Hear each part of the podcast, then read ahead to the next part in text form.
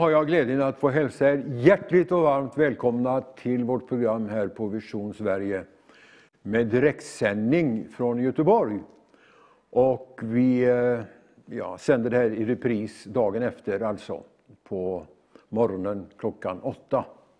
Så de som missar ikväll, de kan ju lyssna imorgon också på förmiddagen. Vi har också en eh, mycket trevlig och duktig gäst här idag. Och han heter Sigvard Svärd. Han har varit pastor i många år. Vi ska prata med honom. Och vi ska ta upp en del aktuella frågor och samtala det som är eh, närmast vårt hjärta och det vi sysslar med i den här tiden. När det gäller Guds församling, när det gäller oss predikanter och när det gäller vad vi behöver göra just i de här dagarna, just nu. Men som sagt var, välkomna. Ring gärna till någon och säg att eh, det kan vara värt att slå på Vision Sverige ikväll. Och eh, det kan ju bli dubbelt så många som tittar om alla ringde till någon. Men som sagt var, välkommen du som sitter där i din tv-soffa eller var du nu befinner dig och lyssnar. Vi ska ha en härlig och spännande kväll. Jag vill också rikta ett tack till alla er som är med och ber för oss och stöder oss ekonomiskt. Det kan vi återkomma till, men det är alltid behov och det finns alltid telefonnummer du kan ringa. Dina bönämnen kan du ringa in här och vi ska be för dem här ikväll. Så vi ska nu först då lyssna till en sång. Jag känner några grabbar i Halden som kallar sig för Country Comfort. Och jag gillar deras sång och musik och vi ska lyssna, det, vi ska lyssna till en av de sångerna just nu. Så vi säger välkommen till Country Comfort. Ja, det var Country Comfort ifrån Halden. Väldigt fint. Vi ska lyssna till dem lite mera här. Jag tänkte bara att läsa ett bibelord här i början ifrån Matteusevangeliets 28 eh, kapitel och ifrån vers 16 där det står så här. De elva lärjungarna begav sig till det berg i Galileen dit Jesus hade befallt dem att gå. Och när de såg honom tillbad de honom, men andra tvivlade. Då trädde Jesus fram och talade till dem och sa Jag har fått all makt i himlen och på jorden. Gå därför ut och gör alla folk till lärjungar. Döp dem i Faderns och Sonens och den helige Andes namn och lär dem att hålla allt vad jag har befallt er. Och se, jag är med er alla dagar intill tidens slut. Ett fantastiskt uppdrag som lärjungarna fick både de som trodde och de som tvivlade. Det fanns ju alltid folk som tvivlar, och det fanns det även på den tiden. Men eh, Jesus hade förmågan att kunna reparera deras tvivel och få dem att tro med det han sa och de gärningar han gjorde. Och eh, vi lever i en mycket svår tid numera. Det har väl kanske inte varit så svårt, jag vet inte jag har inte levt så väldigt länge, även om jag har kommit upp i åren. Men det kanske är mycket svårare och Bibeln eh, nu än det har varit under många år. Samtidigt som man märker en öppning för Guds ord och en längtan ibland människor, så finns det detta benhårda motstånd och folk lever för sig själva och sin familj, och det är väl bra. Men tycks inte bry sig om så mycket Gud.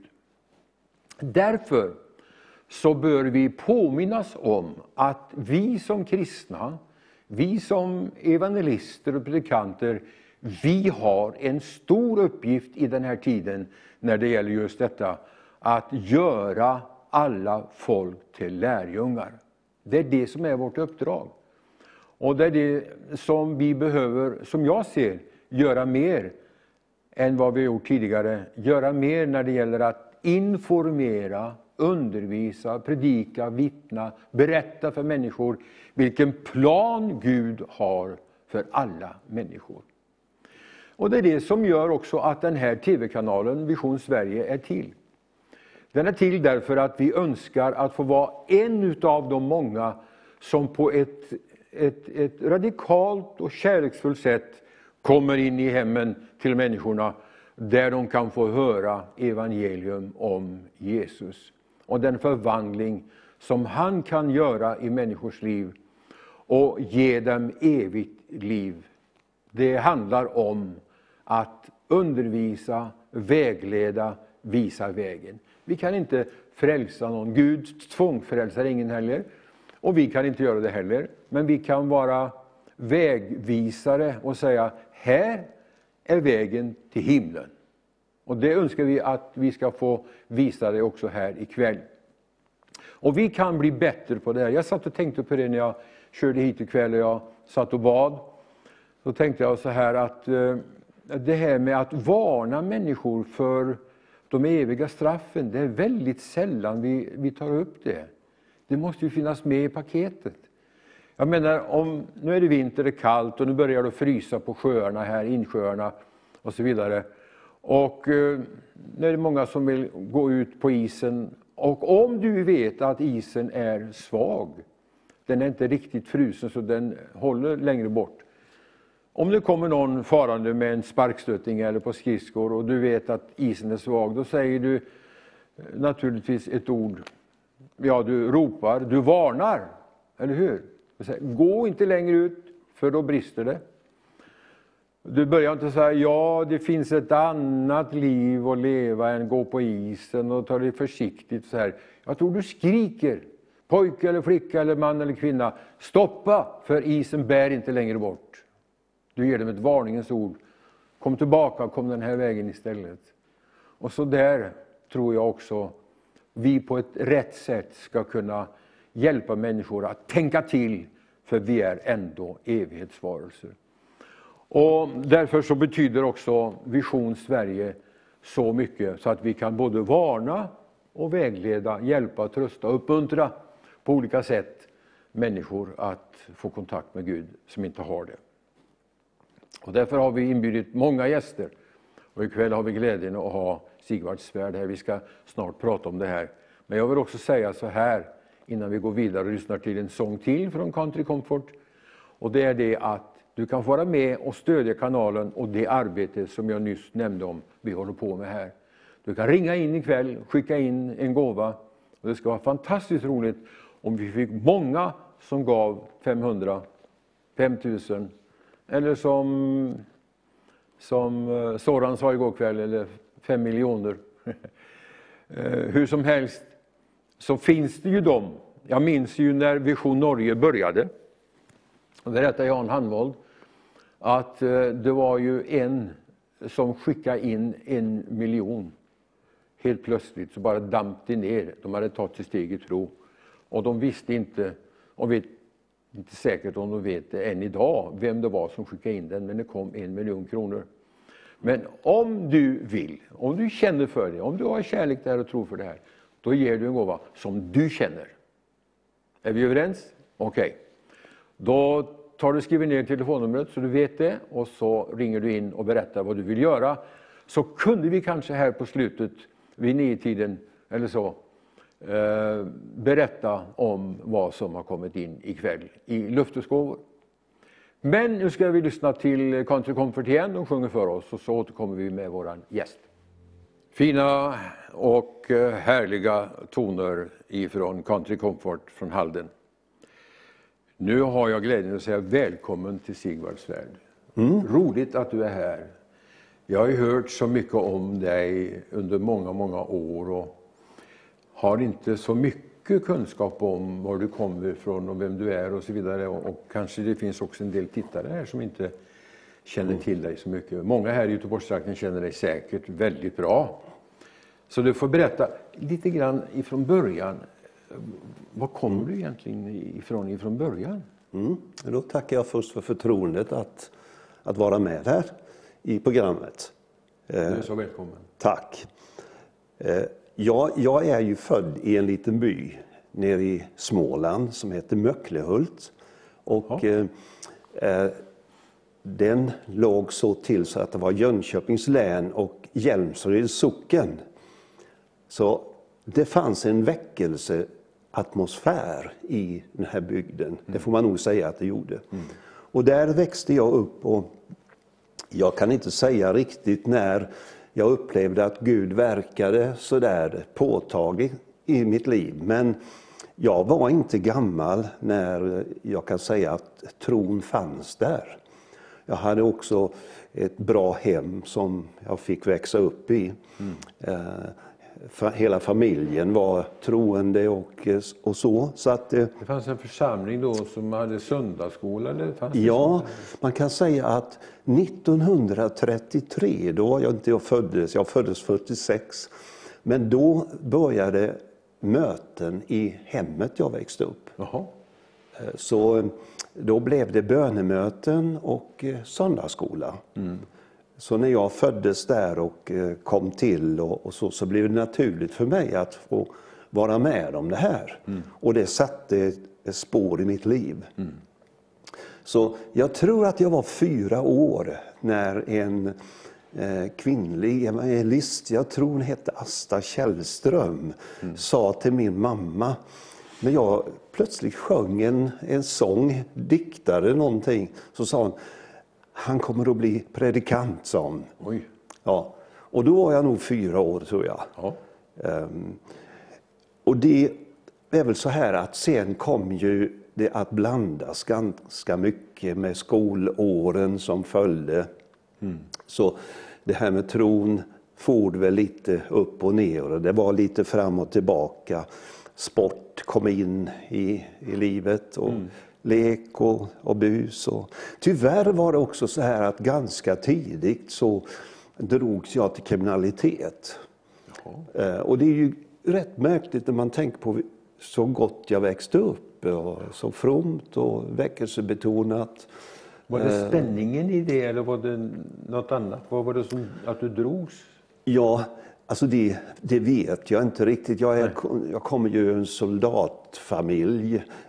Pappa, jag heter Svärd i efternamn, eh, knäktnamn och det fanns andra före där som också hade varit knäktar i den släkten. Så, eh, det är svårt att veta vad det kunde ha varit för någonting. Men Eh, till skillnad från mina syskon som, eh, så blev det lite grann att jag tänkte att det var spänning mm. som jag upplevde. Jag drogs nog till spänning tror jag. Ja.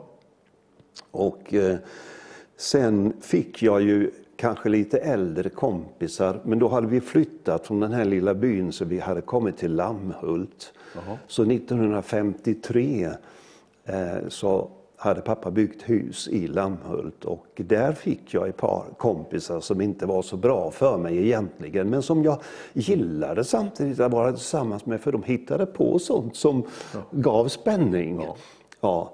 Eh, men det var väl inte så bra. Jag kom ju med i att eh, till exempel stjäla och eh, slå sönder en förstörelsemani som man kom in i. Mm. Och Tyvärr med vapen också. Så tidigt mm. hade jag luftgevär och alla sorters. Vi hade, ja, um, vi försökte hitta på så vi hade till och med sprängmedel. Jag, jag minns inte riktigt vad vi fick tag i det men nej, det var inget bra. Allt det där var inte bra. Nej. Men samtidigt så verkade ju Gud i mitt liv så att um, det svängde. Om någon till exempel sa till mig så här att du är ju löjlig som är en kristen, eller yttrade sig på det sättet. Mm. Då kunde den få en smäll. Du försvarade det? Jajamensan. Mm. Och Bibeln var för mig viktig även om eh, det var att jag inte kanske då alltid levde så söndagsskolmässigt om man säger. Nej. Eller barnmötesmässigt. Men, mm. så, eh, men jag lägger också märke till att en del utav detta kom jag så småningom att ha nytta utav i mina möten med människor framöver i livet. Mm. Men jag tror att det pågick en kamp om min själ. Eh, å ena sidan Gud och å andra sidan den onde. Gud hade en plan med dig, så det var en brottningskamp där Precis. Och det kunde nog ta sig rätt så kraftiga uttryck ibland i mitt liv, hur det svängde hit och dit på något sätt. Alltså. Jag minns att jag att jag på nätterna ibland kunde eh, tänka väldigt negativa tankar. Men sen samtidigt så talade Gud. Jag kunde drömma och det var det Gud som, som talade i drömmen mm. till mig. Eh, men det verkade ju ändå som att Gud vann den här striden under de här åren. För när jag var 16 år, då gick det fram en eh, förnyelseväckelse i Filadelfiaförsamlingen i Lammhult bland ungdomarna där. Och då var jag en av dem som var på hugget och bad om förbön. Och där uppfylldes jag av den helige Ande och kom också att börja tala i tungor och verkligen eh, prisa Gud. För, ja, det var underbart. Mm. Och, och det som jag förstår var kallelsen som slog igenom var att jag direkt ville vara med och be till Gud för andra. Mm. Så, så fort det här hade hänt så gick jag och la mina händer på andra ungdomar som ännu inte hade gjort erfarenheten eller upplevelsen. Uh -huh. Och jag vet också om att det inträffade, så jag förstod att Gud finns i mitt liv. Uh -huh. Gud har gett mig en kallelse och eh, ja, så jag var ju glad över detta. Eh, och då kan man säga att då kan man tycka Gud vann. Mm. Men tyvärr så blev det inte och var inte så enkelt riktigt. Ehm, jag började bli högmodig. Kan du tänka dig det?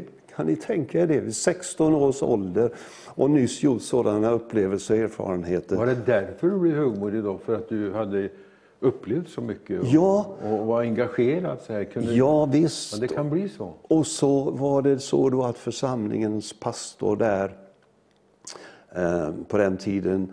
Han tyckte att jag skulle vara med ute på möten och avlägga vittnesbörd och, och så här. Och, och det blev ganska bra. Mm. Jag hade ju något att berätta, jag hade något att komma med. Mm. Men mitt i allt detta så blev jag lite stor i korken. Tyckte att jag var något och glömde bort att förbereda mig riktigt och bara hoppade fram och hoppade upp eh, i talarstolen när jag blev ombedd så det, ett faktum är att redan efter ett år så svängde det här över åt, en, åt Satans håll istället, åt den ondes håll. Mm. Från att det hade varit så, så bra då, bara för ett år sedan tillbaka. Mm. Men så kan det tyvärr bli och jag känner ju att, eh, vet ju att det var, har varit många unga människor som har gjort sådana här erfarenheter. Mm. Eh, tiderna tillbaka. Det är ju en kamp, det blir ju, och speciellt i tonåren så är det ju en kamp och det ser vi ju i Bibeln också. Ja. Utav de andefyllda kristna plötsligt, som Ananias och Safira, så varför har Satan fått uppfylla ett hjärta? Ja. Det var strax efter pingstdagen. Så sånt händer. Ja. Så det du säger nu, det ger ju hopp åt andra som kanske har varit i samma situation. Ja, och eh, Sen följde efter det här fem år av flykt från kallelsen. Mm. Ungefär som man tänker sig Jona. Om jag kom först med fem bröd och två fiskar och, och, och, visade upp dem för Gud och Gud tog dem och sa de här, det här ska jag använda. Jag ska bruka dig Sigvard om du är kvar med ditt liv hos mig. Så, så. Men jag gick min egen väg och kallelsen försvann bort på mm. något sätt i allt detta. Och det följde ett liv utan Gud. Som väl var blev jag inte utesluten ur församlingen. Nej. Och det tror jag hade att göra med bland annat att de visste inte riktigt vad det var för liv jag levde. Utan jag sysslade med detta lite i smyg. Mm. Eh, höll till på andra ställen och på andra håll. Eh, mitt i detta gjorde jag också min, min värnplikt och det var ju inte heller i trakten av Lammhult utan uppe i Dalarna, i Borlänge faktiskt. Jaha.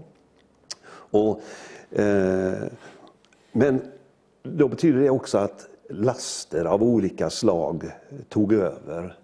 Eh, och då, då kan man tänka att det var sådant jag ville göra, men på det följde tomhet. Mm.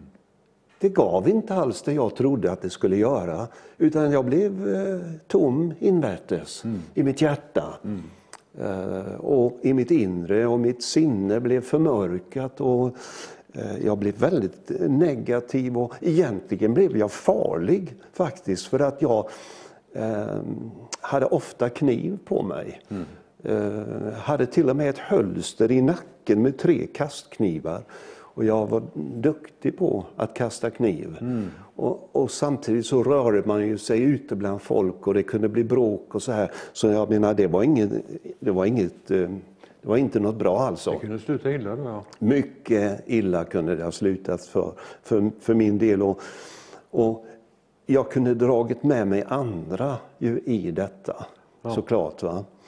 Eh, men sen kan man säga att det var så här ungefär som för Jona eh, i Bibeln, mm. i den stora fiskens buk. Mm. Eh, för där kämpade han egentligen mot olika krafter. Och det ena var Gud som han vände sig till och det andra var sådant som ville hålla honom kvar i det här. Mm. Och så precis var det för mig. Jag hade stuckit iväg från Gud, jag hade vänt honom ryggen. Jag var en förlorad son och, och kämpade med hur ska livet bli för mig nu. Va? Mm.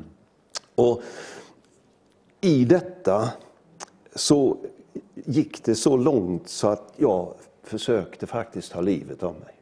Mm. Så i eh, mars månad 1968 så hade jag suttit på Stadshotellet i Jönköping. Klockan var halv elva. Jag hade under ett års tid funderat över varför ska jag leva? Vad är det för mening att jag lever när jag mår så dåligt? Och, um, ja, och jag spelar bara ett spel. Jag spelar ju liksom. Och när jag försökte vara glad eller sådär och när jag drack så skulle inte det märkas utan jag, jag bara spelade. Mm. Eh, jag körde onykter och, och, ja, det var inget bra alltså. Mm.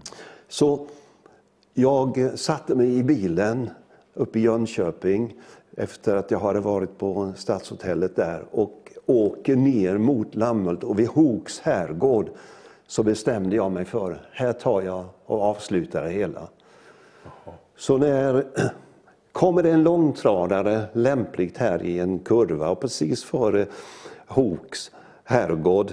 Jag kallar den för Guds kurva numera. Ja. Ja, så från Jönköping räknat där, så kom det också en långtradare. Och jag beredde mig för att vrida ratten över. Och då inträffade detta mäktiga, får jag säga, Mm. Att plötsligt så låses mina händer och mina armar och jag kan inte vrida ratten en centimeter, utan det var bergfast alltså. Ja.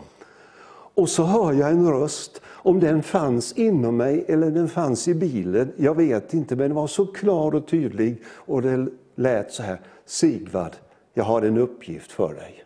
Mm. Det var Gud. Ja. Och trots att jag har gett mig iväg och, och så jag tänkt på den förlorade sonen liknelsen när fadern stod och väntade på att han skulle komma tillbaka, att han skulle ta sitt förnuft till fånga. Mm. Och nu, nu fanns Gud i bilen. Mm. Jag vill säga det till dig också, du kan befinna dig i samma situation som hör detta. Gud är där du är. Var inte rädd, utan bara öppna ditt hjärta. Vinka tillbaka till Gud så att tar han hand om ditt liv. Ja, ja. Så, Underbart. Eh, precis. Så, så att där och då sen den 23 september samma år 1968, då överlämnade jag mig igen till, till Gud. Och, och sa jag kommer tillbaka. Jag knäppte mina händer över ratten i bilen klockan 12 på natten. Eh, och så, så så bad jag Jesus förlåt mig för allt det här som jag har hållit på med. Mm. När jag skulle varit i din uppgift och i ditt uppdrag och så har jag sysslat med detta. Mm. Så förlåt mig, sa jag. Mm. Och så vände jag mig om i bilen för att riktigt skulle markera till den onde att nu var det slut. För Nu hade han Han förlorat. satt i baksätet. Ja, Ungefär så. Så jag vände mig om och så sa nu ska du veta Satan, att nu så, bara för att riktigt att du ska förstå hur det ligger till, så ska jag gå på varenda möte församlingen anordnar under ett års tid. Ja. Och det gjorde jag. Det gjorde du. Ja. Jaha. För var att jag vill. Och då var du inte på ett väckelsemöte med stämning och Inte. predikan och sång och atmosfär och allt det som eh, ofta kan hjälpa folk. Men där ser man vad det betyder Ja. att folk väljer. Ja. Det är där skon klämmer så att säga. Beslutet. Beslutet. är jätteviktigt alltså. Och att eh, man håller kvar beslutet. Eh, jag menar, han räddade mig då. Men jag kan inte begära att vara kvar i räddningen om jag inte håller fast vid beslutet. Nej. Då går detta ifrån mig igen. Då förlorar jag det här igen. Och det är det jag menar när, när man, om man har sagt ja till, till Gud och man har bekänt Jesus Kristus som frälsare i sitt liv. Då är det det att man får hålla fast vid det. Ja. Oavsett vad som händer i tiden. Och han som satt i baksätet då som du talade till, Ja. Kom inte han, eh, dök inte han upp nu och då sa hallå vad håller du på med nu? Jo. Vi var ju kompisar du och jag. Ja, och det menar jag att det är det man hela tiden måste göra markering mot. Precis. Att eh, det livet är avslutat, det går jag inte tillbaka till. Nej. Aldrig mer. Utan det är färdigt med det. Utan nu är det Herren som, som gäller. Och så har det varit. så att de- här fem bröden och två fiskarna, det lilla jag egentligen då tyckte att jag hade att komma med. Det är faktiskt det som är kvar. Jag har inte mycket att komma med, men om jag ger det, gå stad i denna din kraft, fick Gideon höra i Bibeln. Ja, man behöver inte hitta på någonting, man behöver inte skaffa en massa prylar eller försöka vara någon annan. Nej. Utan göra just detta och vara just detta. Ja, det är lätt att bli bedragen om man kommer in på det området att man ska eh, fylla livet med någonting annat och det materiella och så vidare och, och försöka liksom att blanda. Det går ju inte heller. Nej. Det är många som försöker att ha ett ben i församlingen och ett ben i världen. Det går ju Ja, inte nej. i längden. Nej, det gör inte det. Och jag kommer så väl ihåg, för det var så viktigt för mig att jag inte var falsk i detta och spelade ett spel. Uh, fastän jag gjorde det, men samtidigt uh, inför, ja. inför människor gjorde jag det. Men, men jag kommer ihåg att jag var på ett, ett möte i Philadelphia-kyrkan i Värnamo. Eh, och det var väl så att jag hade fortfarande lite kristna kompisar och så. Så jag var med där. Jag minns inte om det var Birger Olsson som var där och talade eller vem som, som var där. Men efter det, det i varje fall så kommer predikanten ner och med fiskar som det hette på den tiden. Ja, Ja, och frågade då och kom till mig också där jag satt och frågade hur eh, är du frälst? Eh, Sa han, tror jag, ställde den frågan. Och då så sa jag precis som det var, för jag ansåg att jag var en avfälling. Nej, det är jag inte, sa jag. Vill du bli det, sa han. Nej, det vill jag inte, sa jag. Nej. Men min kompis som fanns med mig där, han ställdes eh, också inför den här frågan. Och han menade på att han var frälst och han levde ungefär som jag. Ja. Så det, det, det, för mig var det viktigt och det betyder ju också att, att när jag väl kom tillbaka till Gud så var det så viktigt att jag var ärlig Att du kom på riktigt liksom så att säga. i det här beslutet. Ja. Ja. Ja, det är väldigt, det är, det är väldigt i- vägledande det du säger för många människor. Eh, Att, att hoppa fram och tillbaka och, och vara eh, ett ben där och ett ben där, det håller inte i längden. Nej. Och man blir inte heller någon att lita på. Man blir ingen förebild, inget föredöme. Ingen kommer och säger kan du hjälpa mig? För då, blir man, då är människor oroliga. Men församlingen hade inte sett dig på en lång tid egentligen. Jag Så, dök och väl Vad sa upp. de när du, eller Då- var du där ibland bara? Och, Jag dök väl upp då och då eh, och det var väl inte så, så bra. Eh, mitt beteende var ju inte bra. Sven Engdahl var pastor på den tiden i Filadelfiaförsamlingen i Lammhult. Och jag minns en gång efter ett möte jag hade varit med på. Vi kom ut på, på trappan utanför efteråt och han var väl lite besviken på mig. Jag vet inte om jag hade hittat på något inne i mötet där som eh, hade irriterat honom. Men han kom ut på trappan och jag stod utanför och snackade med några där så, så sa han någonting. Eh, att han inte tyckte om mitt beteende. Nej. Och då var jag i ett sånt läge så jag, jag sa, det skiter väl jag i, sa jag. Mm. Du får väl sköta ditt så sköter jag mitt. Mm. Kan du tänka dig så illa, så fult att säga det till någon som ville en väl? Eh, det Men var så var det då. som du hade... Det var ju innan, ja. Innan. ja inte efteråt. Inte efteråt? Nej. Oh nej. nej. För då var du ju en ny människa. Ja, men precis. Det, det var skillnad. Ja. Nej, det var ju då, då verkar ju den ondes krafter i mitt liv också. Mm. Så att då kunde jag säga vad som helst. Alltså det kunde... Nej, jag var, jag, var ingen, jag var ingen bra människa då. Men i botten någonstans så fanns den här kallelsen. Ja. Och Gud slutade inte att tala till mig. Nej. Ja, men sån är ju Gud. Han, menar, ja. det är ju det är ju hans stora barmhärtighet och människan är ju hans stora intresse. Ja. Oavsett. Jag menar, tänk på Saulus, vad han ja. fick gå igenom. Han andades hot och mordlöst och han var ju ungefär som du. Ja. Han kanske gick med knivar också ja. och ville ta död på och sätta dem i fängelse och så här. Men Gud stoppade honom. Ja, men visst. Därför att han älskar honom. Ja. Och det är sån Gud är. Ja, det är han. Ja. Jag håller med dig. Och det, jag, jag tror att jag tycker om Gud just av den anledningen att eh, han är inte bara så här så att han skyler över. Utan han, han säger kom med nu svärd här så, så gör vi något bra. Ja. Eh, han tar itu med det. Liksom. Ja, och man kan se att Bibeln till och med presenterar honom att han, han, han stegrar sig som, som en häst och uppger härskri. Ja. Alltså det är en bild av honom. Ja. Um, men han är ju han är också den som, som samlar till sig lugnt och stilla. Sakta för han moderfåren fram. Mm. Så det är så många bilder av Gud. Väldigt många. Och det, det passar är, mycket människor. Lite olika vad som passar oss också. Mm. Eh, och i olika tider kanske med. Men eh, jag minns i varje fall att det var underbart att få be om förlåtelse. Ja. Eh, och på den natten efter att jag hade sagt nu kommer jag tillbaka. Den natten låg jag i min säng efteråt. Och jag visste ju att man ska tacka för syndernas förlåtelse. Mm. Och det gjorde jag. Så du, du, du satt i bilen ja. mitt i natten ja. och tog beslutet? Ja.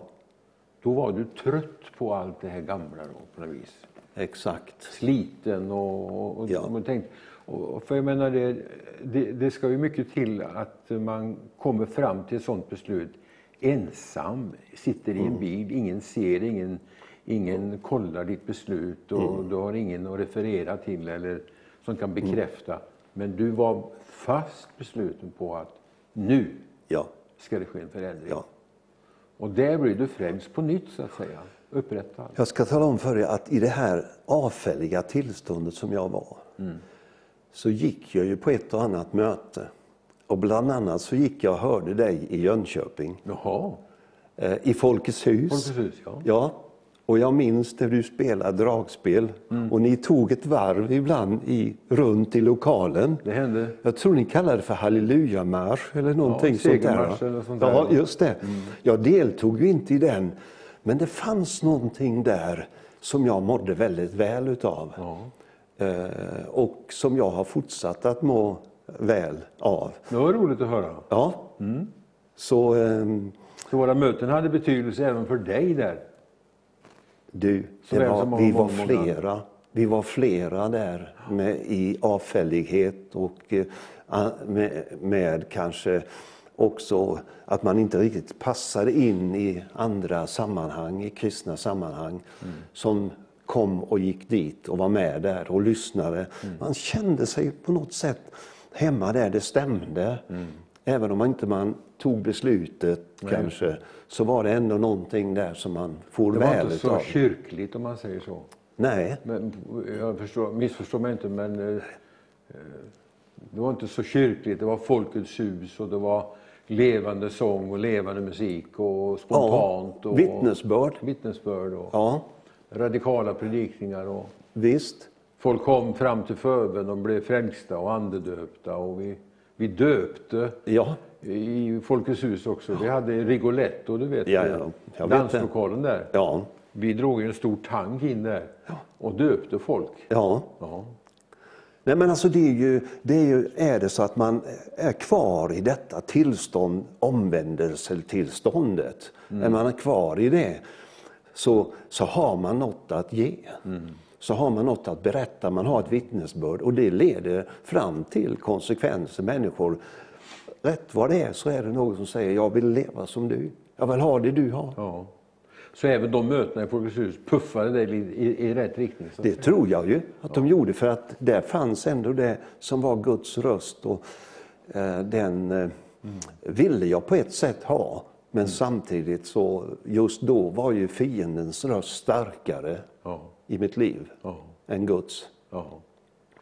Det här tycker jag är väldigt underbart, eh, fantastiskt spännande att höra. Din bakgrund Ja, visste jag inte.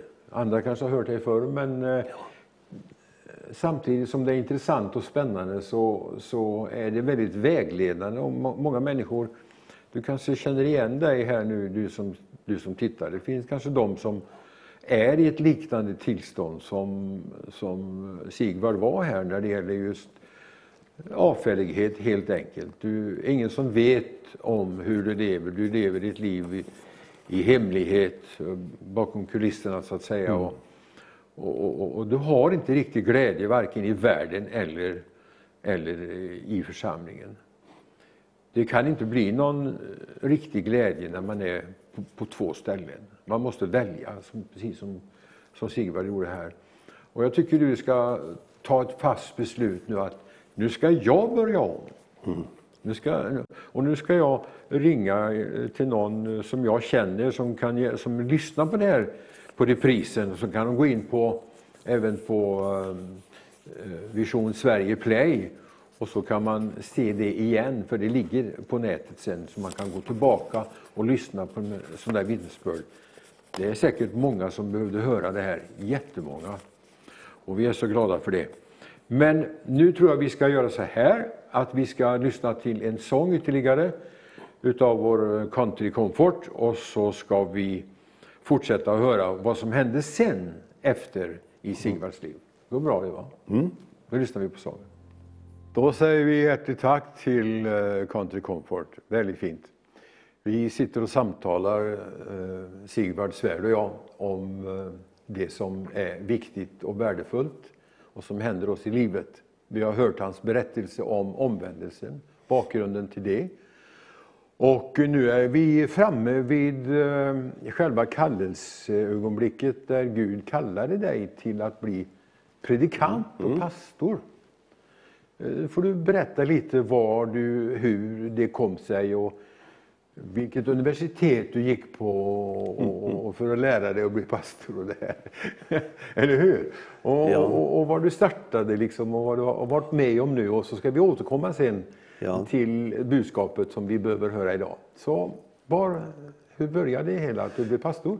ja alltså den här, den här natten Ja.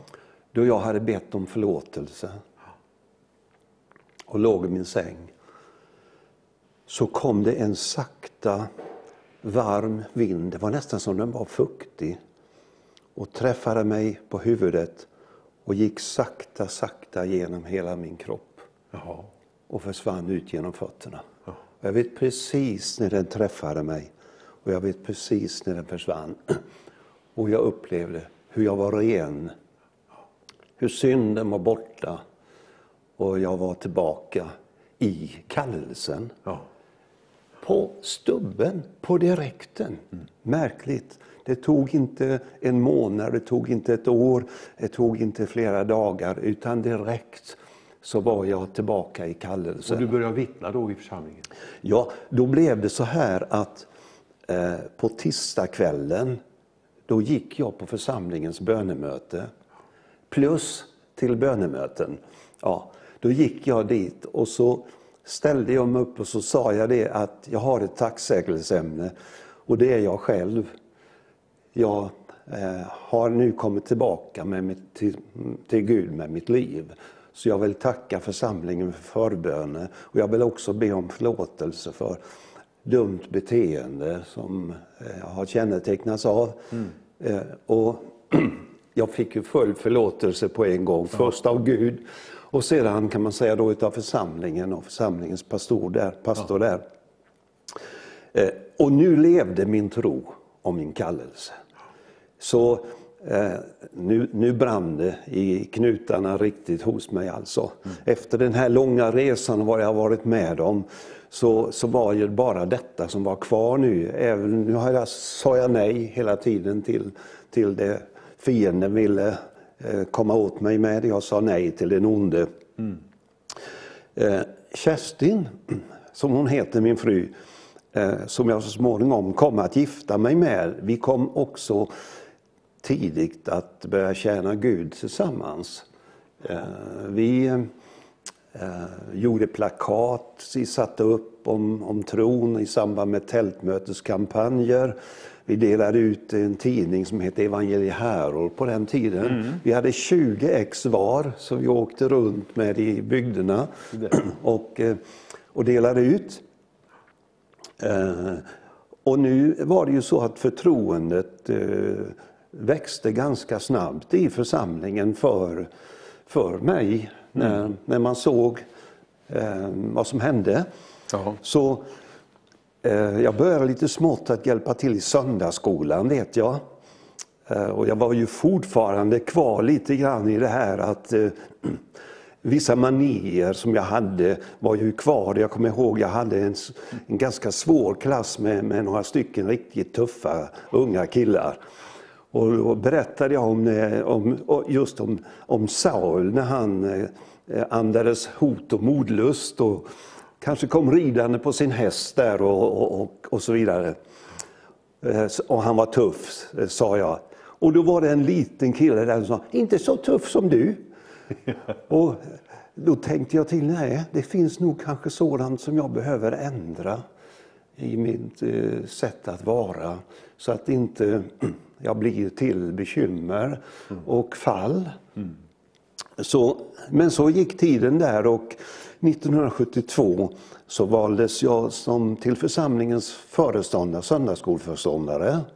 Ja. Eh, och det var ju en stark början på det som sedan skulle bli. För redan året efter så avskildes jag som en av församlingens äldste församlingsledare. Du växte fort in i uppgiften. Ja, och det var ju det, mitt mitt tydliga beslut. Och det syntes, det märktes, mm. det hördes. Mm. Så det gav ju förtroende. Mm. Och eh, jag hade ju en profetisk anda över mig som har levt kvar, pris för Gud för det. Ja. Eh, så tidigt började jag också att bära fram profetiska hälsningar. Eh, tungotal och uttydning. Ja. Och eh, det medverkade väl också till, till det kan jag tänka mig. Och jag började då också att, eh, att eh, undervisa. Jag hade en del mindre bibelstudier och så började jag skriva. Mm. Så redan 1975 tror jag att jag hade min första artikel i, eh, i Evangelie Härolm, tror jag. Och i, även i profana dagstidningar skrev jag eh, och fick in. Mm. Ja. Och sedan hösten 1975 då eh, hade vi nyss gift oss, Kerstin och jag. Och då jobbade jag på en snickerifirma. Och när jag skulle sätta ihop en eh, möbel där, precis när jag tar en bit som jag skulle eh, spänna ihop i en eh, maskin där. Då säger Gud, Sigvard nu är det dags. om ett år ska du gå bibelskola i Stockholm och sedan gå ut i heltidstjänst för mig. Ja. Lika tydligt som han hade talat i bilen när jag inte ville leva längre, så talade han nu. Och först så blev jag ju så otroligt glad. Så jag dansade vid arbetsbänken där. Ja. Och sen kom ju nästa tanke. Nej, men hur ska det gå? till- Hur ska det gå?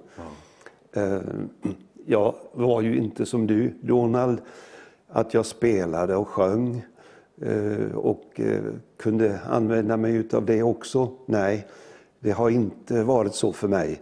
Så jag tänkte, vem vill ha en sån som jag? Eh, Tänkte jag. Eh, Men eh, jag for hösten 1976 till Philadelphia i Stockholm, på bibelskola där. Och det märkliga inträffade att en pastor som hette Bertil Karlsson, han är hemma hos Herren nu, han kom till bibelskolan och sa, finns här någon som heter Sigvard Svärd? Ja, blev jag utpekad där utav Stanley Sjöberg eller vem det nu var. Eh, Det är han där.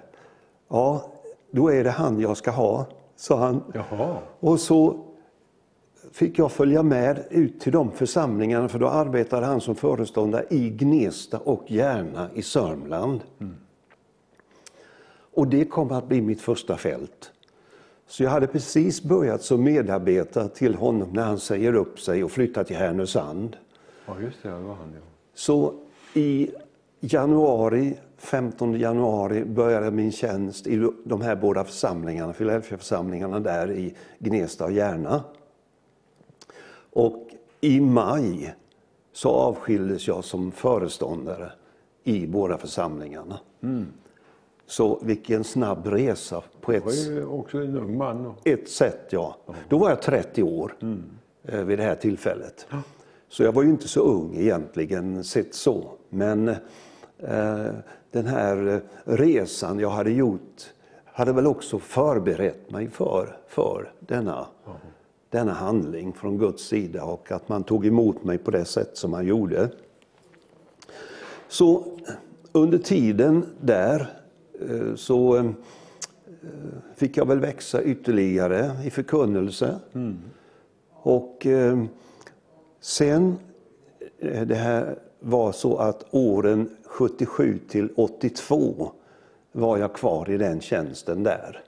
Sen antog jag en kallelse som kom ifrån Philadelphia-församlingen i Valdemarsvik, eller Pingstförsamlingen Valdemarsvik, eh, samt Ringarum. Det var två församlingar i Östergötland. Ja.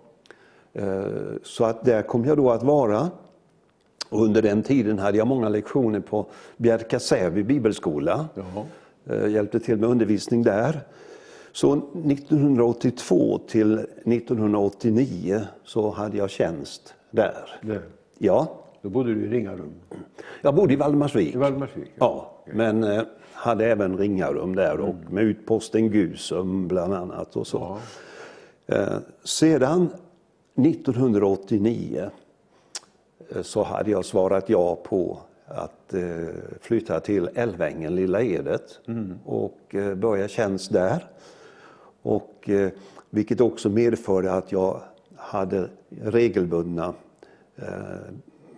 lektioner på Bibelskola Väst. Eh, Stig Hedström var ju ansvarig då när jag kom och vi kände varandra sedan tidigare så han frågade om jag ville börja där på Bibelskolan och det gjorde jag. Och där tjänade jag som församlingsföreståndare eh, alltså 1989 till 2004, 15 år. 15 år. Ja. Älvängen.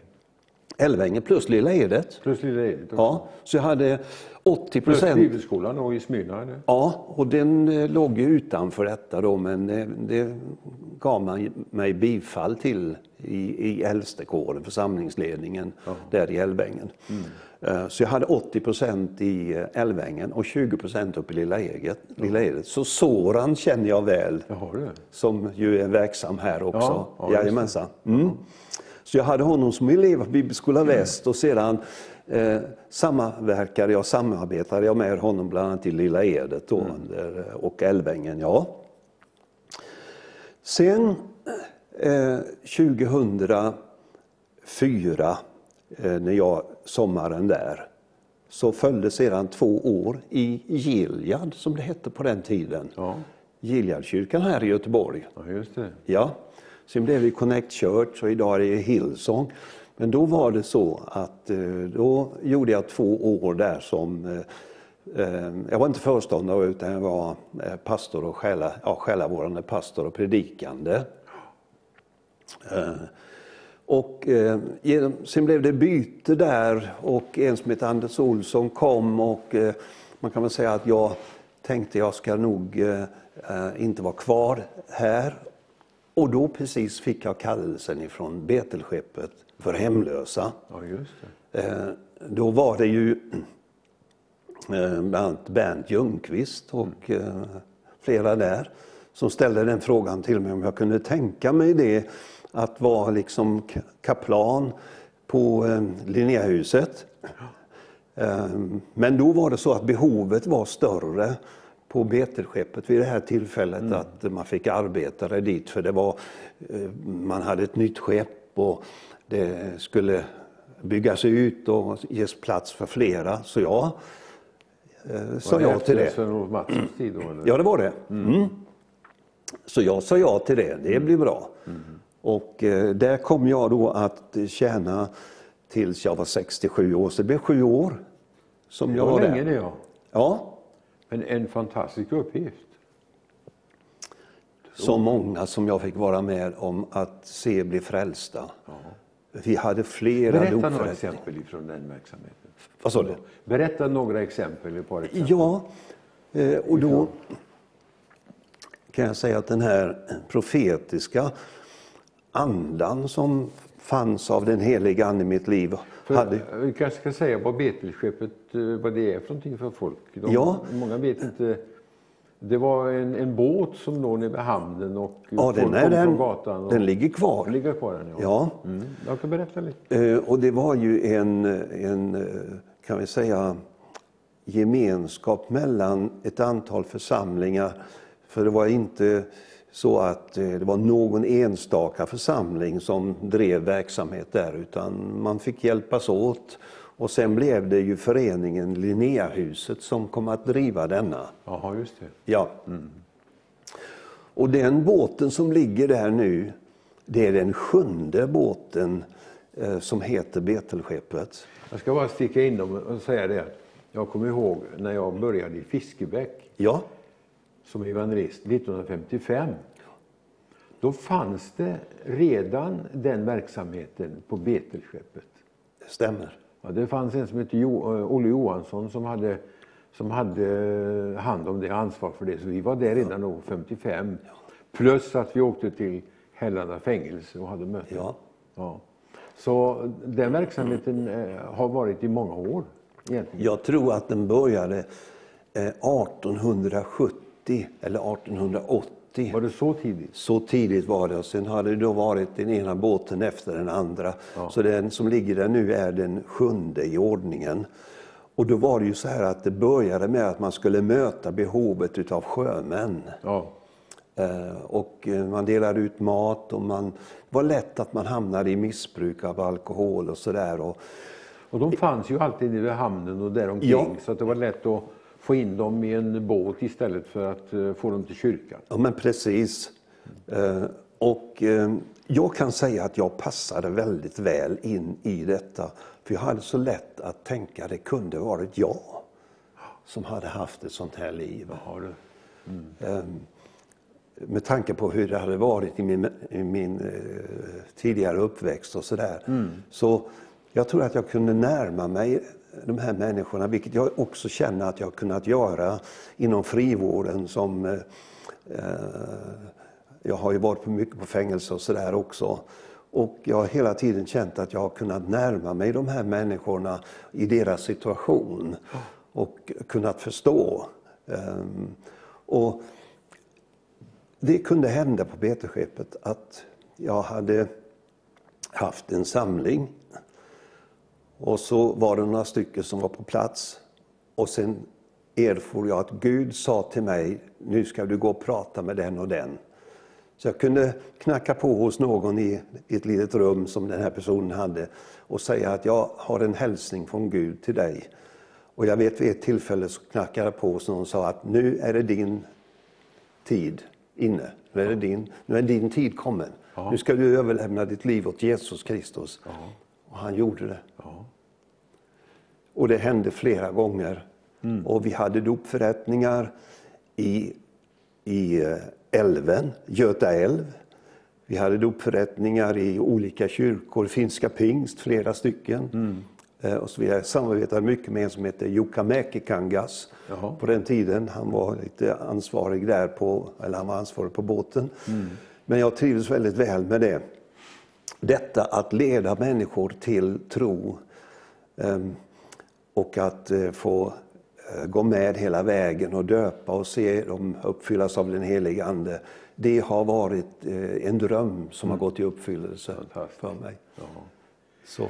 Du såg kanske mer folk frälsta under de sju åren i den verksamheten där syndarna var som kom från kajen så att säga, än vad du kanske gjorde i Älvängen? Eller? Ja, nog var det många som blev frälsta i Älvängen också. Ja, var- ja, jag har hört om det. Och Lilla Edet, Ja. det får jag nog säga. Och vi hade många dopförrättningar.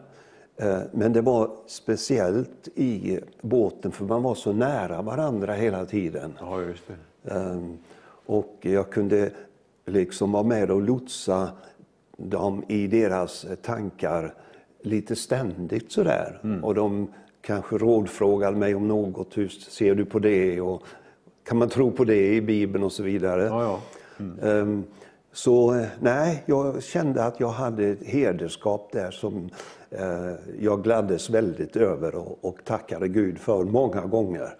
Och på ett sätt kan man säga att det var kanske min, min starkaste, min bästa tid som förkunnare. Du säger det. Ja. Eh, genom att det var Resultaten liksom. Resultaten, ja. ja.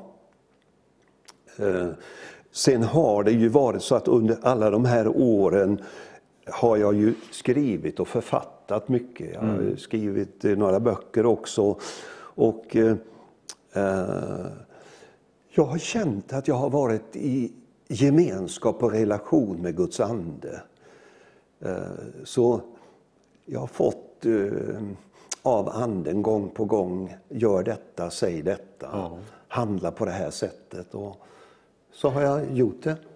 Jag har ju läst lite, du, du, du har ju ett brev som, vad är det du kallar det brevet för? Urbaptistisk pingst. Urbaptistisk pingst Ja, så heter det. Heter det, ja. Ja. Ja. Och det ger du ut varje månad? Ja, nej, Eller? det kan man inte säga. Men att eh, jag ger ju ut några varje år. Ja. Ja. Och, jag har ju eh, fått dem, jag har ju läst dem och det är ju Mm. väldigt fin undervisning. Väldigt bra. Tack. Jag fick några, som jag berättade för dig förut, att jag eh, en, en, en gång så var det väldigt fina stolpar, eh, olika ämnen. Jag minns inte om det var sju olika ste- steg så att säga. Och de talade till mig så att jag lånade dem utav din predikan och, och det blev ju faktiskt ett väldigt bra budskap. Ja, men så kan man göra, Ja, tycker visst. Jag menar, vad är det inte vi har fått? Ja, men visst. Det är, därför, det är meningen det, att det ska gå vidare. Ja, att tänka som så att det här ska ingen annan få använda, det är ju dumheter. Ja, nej, det, var ju, det, var ju, det var ju de huvudpunkterna som, Ja. som man byggde själv sen. Men just Klart. huvudpunkterna stämde Ja. så väldigt för mig. Så det är väldigt roligt. Ja. Nej, men jag, då, men när jag sitter här nu och, och tittar tillbaka och, eh, och så, jag bor i Borås nu, eh, har gjort sedan två och ett halvt år är det väl. Mm. Och eh, har engagemang i Borås på olika sätt. Ehm, så när jag tänker tillbaka så får jag ändå säga att jag gjorde rätt. Jag valde rätt. Mm. Som valde Gud, som sa ja till kallelsen. Fantastiskt. Ehm, och, skulle inte vilja ehm, återvända till något annat än jag vill vara kvar i detta. Sen kommer ju, med åren kommer ju krämpor och det blir nya bekymmer och så här. Men mitt val är gjort och det står jag fast i. Gud pensionerar ingen. Det vill säga, han sätter inte, nu får du lämna det här och Nej. Nej, utan det är som, det är som en livskallelse. Det är, Ja. det är inte som ett jobb på någon fabrik. Man ser fram emot att när jag blir 67, då slutar jag. Det är det. Åh, vad det ska bli underbart. Det här är något annat som vi har fått som Ja, Herrens ja, vittnen. Som, en, som en ofrånkomlig kallelse som man lever med hela Mm. tiden. Jag tycker också att jag har fått så mycket förlåtet. Um, Så att dela med mig utav detta um, till andra känns så rätt och så naturligt. Um, jag vet det var här för ett tag sedan som någon kom till mig och sa Du är som Jesus, sa den här personen, en ofrälst människa. Jaha. Eh, Och jag sa inte emot, men jag kunde ju sagt, känner du honom redan? Men det var inte liksom riktigt läge där. Men jag tänkte, men vilket vittnesbörd om ens liv. Ja, Va? visst. Och det är Och det det- som är meningen, att vi ska bli lik honom och ingen annan. Ja, och det här som du var inne på redan i början av programmet med eh, när Jesus sa till fiskarna där, kom och följ mig, så ska jag göra er till människofiskare. Det har varit min melodi. Det mår jag bra av och känner att jag gör verkligen Guds vilja. Då, Fantastiskt alltså. fint. Underbart. Ja, det här är väldigt spännande. Nu har vi en avdelning till jag tänkte vi skulle ta och det är om eh, förkunnelsen idag. Vad som är aktuellt för dig och vad du tycker att, har sagt, andra ska predika och jag ska predika exempelvis. Men vi ska lyssna till en, en sång. Nu är det så här att vi har ju både country, gospel och så har vi ett annat par som jag tycker är väldigt eh, duktiga och är fina sångare som vi ska eh, lyssna till eh, här. Vi kan göra det om vår tekniker är beredd att lyssna på David och Maria som spelar och sjunger för oss. Varsågoda. Ja, det är precis det han har. Gud har omsorg om dig. Det vill säga, han bryr sig om dig. Vare sig du kallar dig troende eller icke troende, om du kallar dig ateist eller tvivlare, eller vad du kan hitta på för slags eh, titel, om man får säga så, så har Gud omsorg. Människan är kronan på hela skapelseverket. Och det Gud är intresserad av, det är just människan som den är. Och hur den kan bli och vad han har planerat i framtiden. Jag inledde ju med det här att gå ut i hela världen och gör alla folk till lärjungar. Och det har vi ju också faktiskt hört om vad det betyder att det pågick i Lammhult och pågår ännu och på många platser och här ikväll på Vision Sverige. Och jag tänkte så här och fråga då eh, Sigvard Svärd här, vad, vad, vad menar Jesus egentligen när han sa gå ut och gör alla folk till lärjungar? Han hade ett annat uttryck också som vi citerade här alldeles nyss. Följ med, sa han, följ mig, sa han till ett par fiskare, så ska jag göra er till människofiskare. Den stora uppgiften, den största uppgiften och själva målsättningen med all kristen verksamhet är ju detta att informera människor om Guds plan. Evangelium, vad är det? Ja, det är ett vackert ord för goda nyheter. Goda nyheter. Är det goda nyheter från Gud? Ja, absolut. Att Gud har omsorg.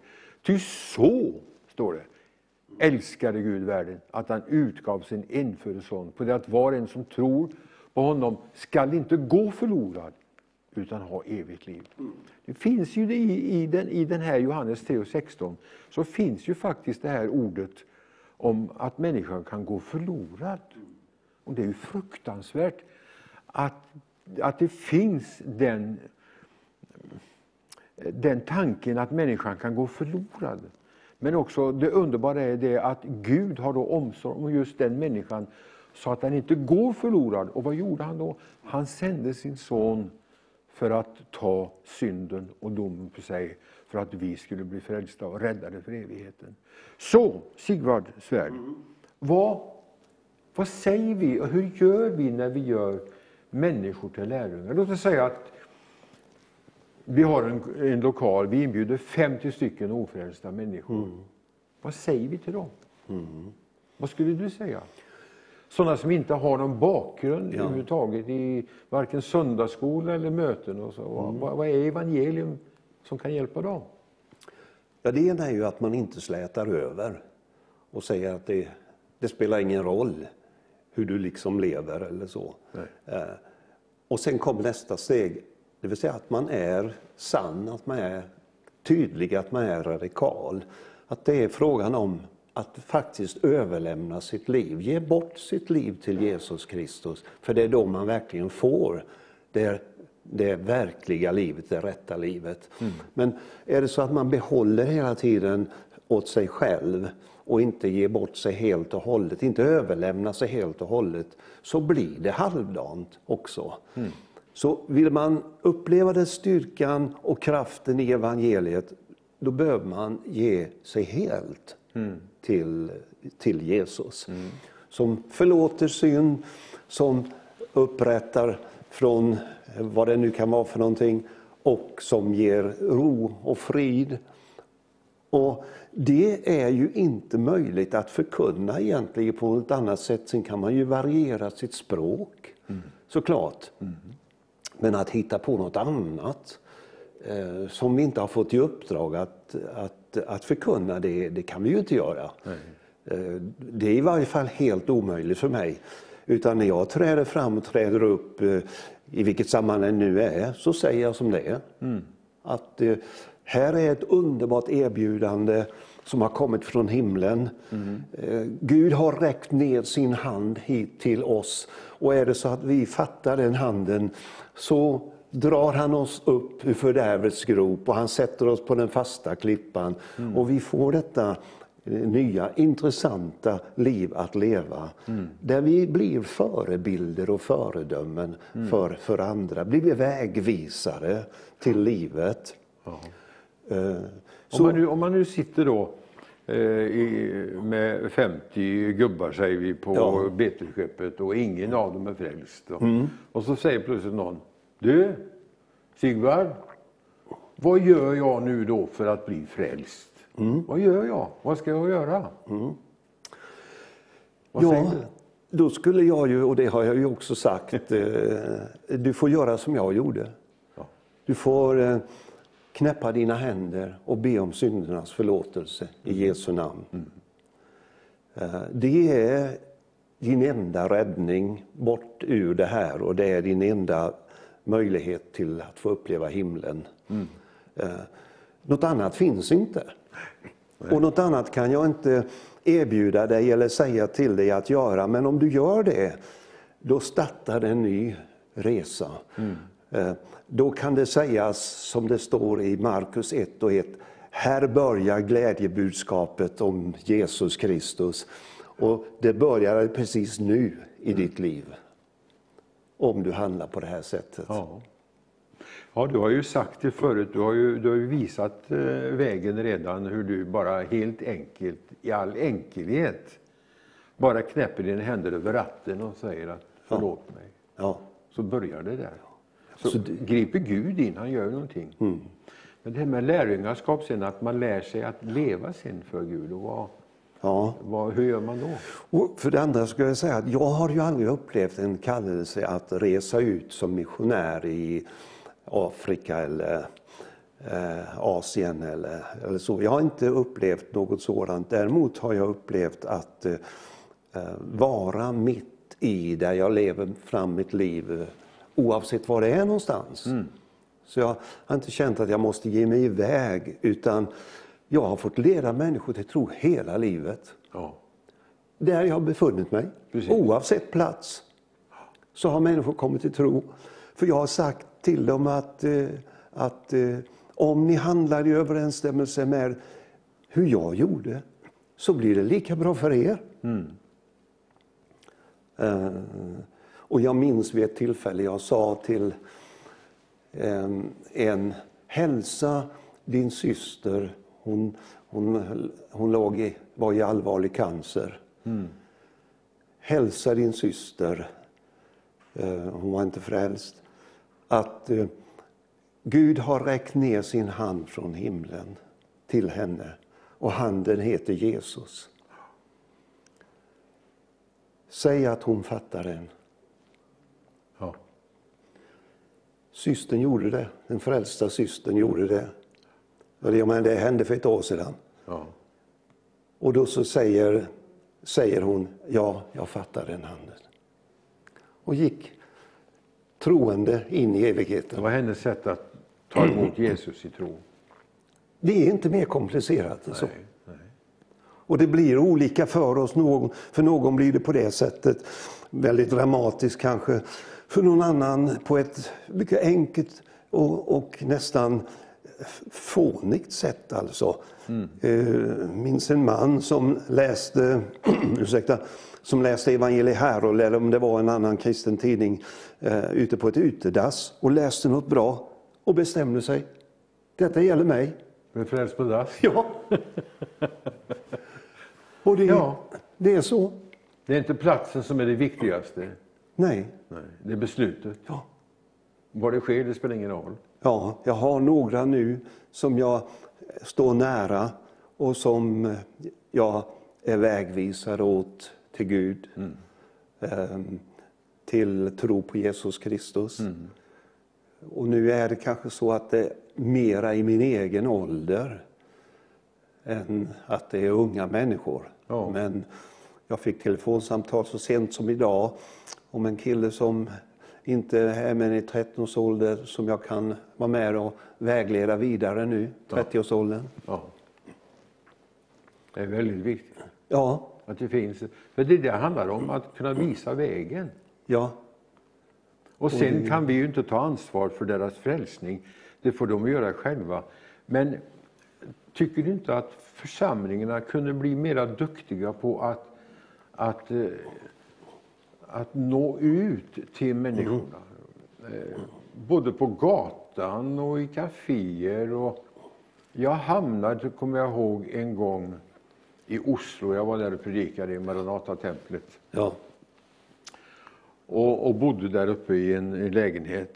Jag hade ingen särskild eh, mat. Jag gick ut för att ta någonting att äta. Jag, jag var lite hungrig efter mötet och alla hade gått och jag tänkte, jag går ut.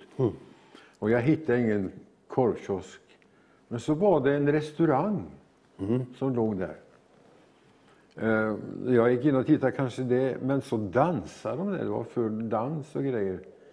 Ja, men tänkte jag, jag kan väl inte gå in här. Tänk om någon känner igen mig. Liksom, att, eh, jaha, han står där och predikar ja, eh, och sjunger att man ska bli frälst och så går han in på ett danshak själv. Men jag, jag kände det att, Ja. att jag hade frid mitt samvete. För jag hade inte tänkt att delta i, i varken eh, det ena eller det andra. Och eh, inte skulle jag heller dricka något vin eller något starkt Mm. Nej, eller någonting. nej. Utan jag gick in där bara och beställde en liten bit mat och så en Coca-Cola. Och det var ju bord dukade där så jag satte mig där då. Och så började folk att komma och det låg på lyran så här och, och prata med mig. Och, vad, vad, är du här? Och, sitter du och dricker Coca-Cola? liksom här Ja. på Ja. eh, krogen? Ja visst. Va- Varför det? Ja, du vet att jag är en kristen jag, och jag har, eh, jag har inget behov av, att, eh, av alkohol eller bli full. För jag har en glädje på insidan. Och så, du, då börjar folk omkring och få tårar i ögonen. Jag var frimodig och sa rakt ut att, att Jesus kan ge oss ett nytt liv. Och att bli räddade för evigheten.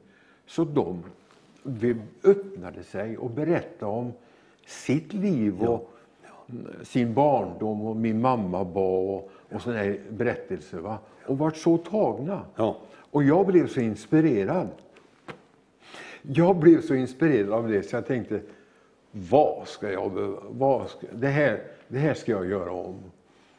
Vad ska jag stå och predika i en kyrka med massa frälsta människor? Det kan ju andra sköta. Jag börjar en restaurangevangelisation tänkte Ja. jag. Därför att det var så öppet. Nu, nu har det väl hänt någon gång, så det blev inte som jag hade tänkt. Men Nej. just detta att möta folket där de finns. ja, ja. Det Med det budskap vi har. Och det, det, är ju, det är ju svagheten idag, att vi når inte ut. Det är inte det att vi ber för lite. Jag tror, vi ska alltid be, men jag tror inte vi ber för lite. Inte vill säga att vi ber för mycket heller. Men vi ska göra någonting mer än bara be. För det är ju samma som att en församling sa, jag hörde många som sa Gud sänd syndare inom hörhåll. Ja, ja. Det är ju vi som ska ta med dem. Mm, mm. Och det började jag när jag blev frälst. Jag tog ju med, jag vann ju den första, första kvällen, ja, mitt i natten. precis. Det tog jag med till ett, till ett möte. Och, och, och sen har vi hållit på med det. Men just detta att kunna ha kontakt med yttervärlden, så att säga, med, med ofrälsta vänner, släktingar och, och grannar och så här. Att man har ett ord till dem så det passar, som kommer in och höra. Det var som jag berättade om här en gång när jag hade ett, ett, ett program här. Just Gilia vill jag också känna, du vet, vi har ju känner samma församling du och jag. Ja, Och, och när jag kom dit så inspirerade jag då församlingen och, och de närvarande att ta med sig någon. Ta med dig någon. Bror, syster, arbetskamrat, släkting eller granne. Eller, ge dem en inbjudan så att de kommer med och lyssnar på sången och musiken här. Och, och vi hade ju vi hade ju väckelsemöte på onsdag, vet du. vi hade väckelsemöte på lördag och vi hade väckelsemöte på söndag. I kvällarna då. Och, och ibland eh, andra dagar också när vi hade kampanj och så. Men det blev en naturlig del av, så de började ta med sig folk. Och jag inbjöd bara till när jag predikade att nu går vi in i vårt bönerum här i lilla salen och tar med dig din kompis och fråga den om den vill, vill bli frälst. Och, Så går ni ner i all stillhet in och ber till här. Och det händer ju det ena efter det andra hela tiden. ja. Vi pratar ju nästan aldrig heller om väckelse, men det var ju det vi upplevde. Med väckelse är ju att människor kommer till tro, vaknar över, över sitt behov av att, eh, att eh, bli frälst. Så det där att nå ut på olika sätt, det har vi ju varit väldigt dåliga på. Och jag tycker att, att varje församling skulle kunna ha en ständig utåtriktad verksamhet. Team som är ute, som besöker hemmen exempelvis. Sätter sig vid telefon. Jag minns en församling i landet. De hade en kampanj, de ville nå ut till människorna. Pastorn var driven av, av kärlek och, och ville se människor frälsta. De satte igång en telefonkampanj, det vill säga de gick efter katalogen Ja. och så satt de på expedition och ringde till folk och sa God dag, vi är, jag heter så och så, jag ringer ifrån eh, vår församling som heter så och så. Då, va? Ja. Och vi ville bara säga det att vi ber för dig och vi önskar dig välkommen till våra möten och så här höll de på. Och du vet att eh, och så kom de till en, de kände igen namnet. Det var någon höjdare i, i kommunen. Och det var hans fru som svarade, för de sa först, ja men henne, eller de kan väl inte ringa till? Varför inte? Vi ringer till dem också. Så de ringde till den här så kallade höjdaren i kommunen då. Och då svarade frun och så sa ja vi är ifrån den församlingen och vi, vi ville bara önska dig Guds välsignelse och inbjuda dig till möten och vi ber för dig, vi vill gärna be för dig och så vidare. Och då brast hon i gråt Ja. och så sa hon, är det, är det verkligen någon som tänker på oss? Ser man. Och jag menar det, det är väldigt viktigt. Och vad är det Jesus säger? Ni ska vara kloka som duvor. Du och jag. Eller menlösa. Menlösa som du och jag. Ja, Kloka eller som kloka. hundar. Ja, precis. Listiga. Listiga, ja. Och, och det är inte det att vi ska ge dem något gift, men just listigheten att, att finna vägar att nå människor med budskap. Och de, det borde nästan finnas en praktisk eh, evangelisation i våra dagar. Jesus säger att du vet, många går och väntar på denna välja väckelse som ska komma och det hoppas vi verkligen att det kommer. Ja, ja. Men medan vi väntar kan vi inte då vinna några människor för Gud, brukar man säga. Kan vi inte berätta dem nu? För vi lever ju i ett vaket tillstånd nu. Vi kan ju nå människor idag. För Bibeln säger att idag är frälsningens dag. Nu är den välbehagliga tiden. Ja. Så det här med, med alfakurser och det är jättebra saker. Söndagsskola, barnmöten. Visst. Mm, Vi ska komma in på det imorgon här i, i, i vårt program, och just om alfakurser, vad det innebär och vad det betyder. Och Jag tror att eh, jag såg någonting var det på Facebook att någon som hade, eh, fick döpa och, och den människan kom till tro i vår alfakurs och så vidare. Bara det här att nå människorna med budskapet. Det tycker jag vi skulle vara... Har du några idéer kring det? Nej, men jag tänker, jag tänker att eh, när man har blivit en kristen, ja, vi säger att man har gått hela, hela vägen så att eh, eh, med dop och tagit till sig den heliga Ande i sitt liv, sagt ja till det. Och då har man ammunitionen, man har förutsättningarna. Ja. Och det har då alla i en församling eller alla som är nu en bekännande kristen. Var och en har detta. Och då kopplar man sin personlighet till detta man har fått av Gud. Som har blivit oss skänkta från den himmelska världen. Kopplar sin personlighet till det. Eh, annars är det så lätt att vi hamnar i olika trender. Och då blir det, eh, det blir församlingsrörelse och det blir lärjungarörelse och det blir karismatisk rörelse, ledarskapsrörelse. Det får olika namn, miljö och klimatrörelse, diakonirörelse, profetrörelse, bön och fasterörelse med mera, med mera, med mera. Men detta är oftast en trend bara. Ja. Man behöver gå tillbaka till det ursprungliga hela tiden. Precis. Till kärnan. Det vill säga, jag är kallad till att vara en själavinnare. Jag har sagt ja till det. I samma stund som jag sa ja till Jesus så sa jag också, sa jag också ja till detta att föra det vidare till andra. Och då är det inte så att det måste till så mycket. Men man kan ju göra inbjudan. Jag har ju varit med om att människor har blivit frälsta ihop med alfakurser eh, och, och på fängelser och vad det nu är. Ja.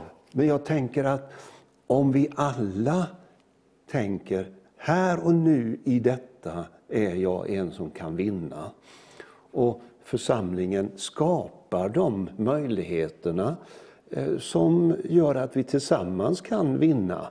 Eh, Men det får aldrig glömmas bort att jag som enskild kristen kan göra det också. Jag måste inte först gå på ett församlingsmöte eller vara med i en konferens, utan direkt här och nu, i ett ögonblick så är jag det Gud har kallat mig till att vara. Så jag tror att det här behöver komma ut mer i församlingarna som lätt blir att man drar åt. Alla ska göra likadant. Och det ska fattas ett beslut om någonting som ska göras. Släpp fångarna loss liksom. Släpp evangelisterna loss ungefär. Va? Det tycker jag, och där tror jag det hela egentligen avgörs. Att eh, eh, alla utifrån sin personlighet och sin upplevelse av vad Jesus har gjort i sitt liv och den heliga Andes verkan, om vi kommer ut på det sättet. Ja. Eh, och, och eh, jag, jag tänker ju på exempelvis vad som hände i, eh, på 70-talet där så många 60-tal, tänk om man sjöng ute i olika parker och du nämnde själv om att du hade varit där på ett ställe och talat med människor. Man rörde sig mycket mer. Man tog en gitarr och ställde sig i ett gathörn. Jag märkte ju det för jag har läst Bibeln på, på stan i Göteborg Ja. i sommar. Jaha. Ja, jag har tagit med mig Bibeln ut och läst en, eh, två, tre ställen högt, så Ja. högt jag kunnat. Ja. Och ställt mig där folk kommer och går. Ja. Och det märks direkt. De tittar lite extra och någon vill prata. Jaha.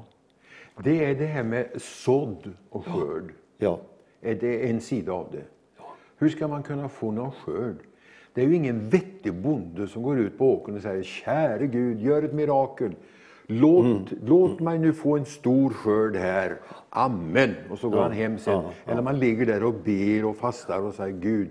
Om man inte sår också. Mm, ja. Man måste ju så.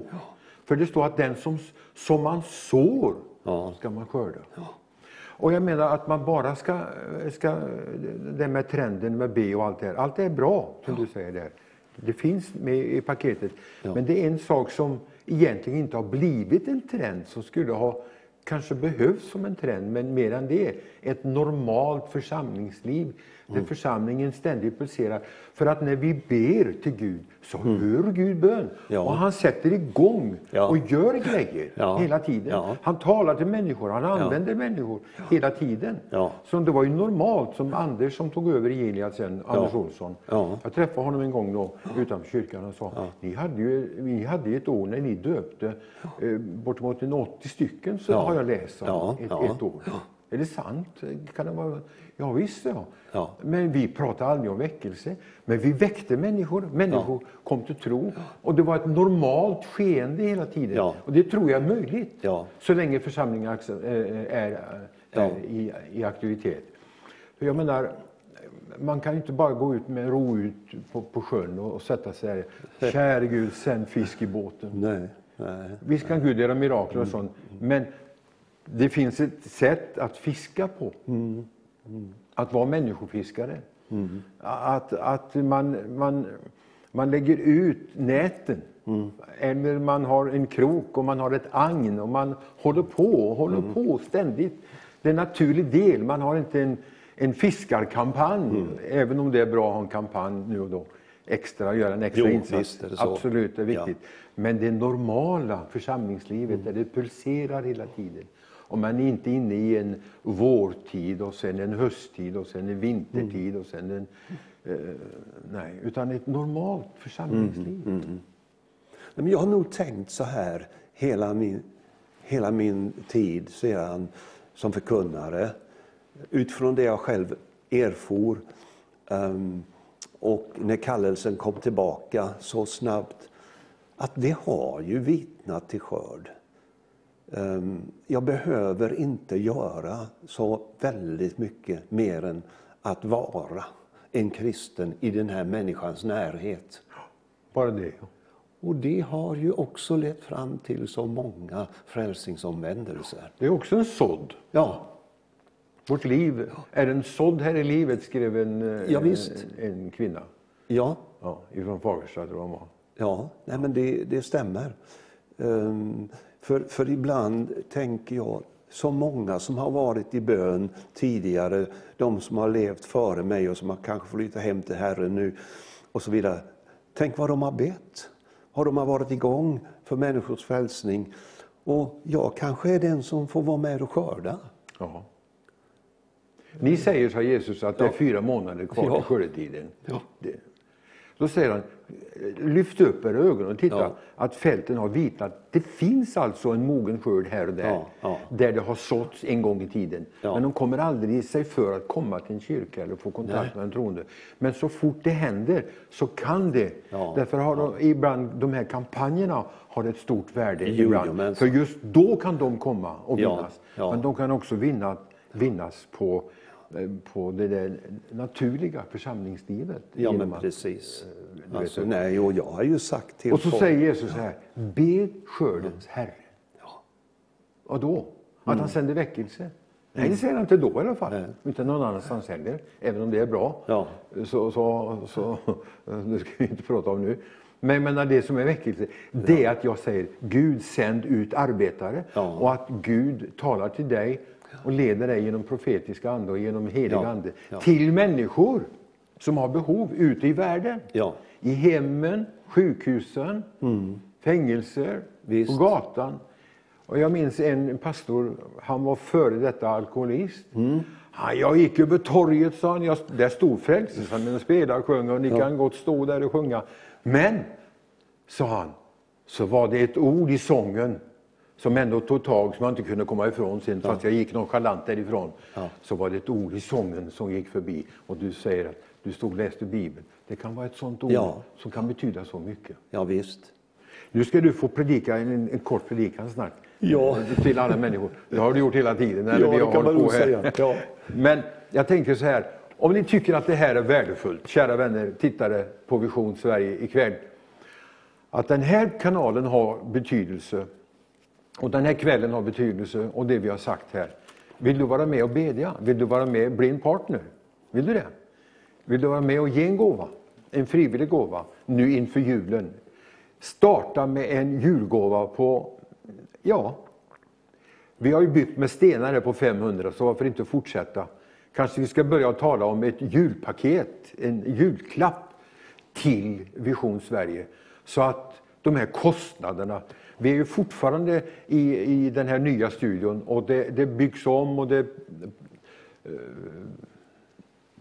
vi håller på att bygga om och, och, och folk som är, har ansvar är engagerade i det här.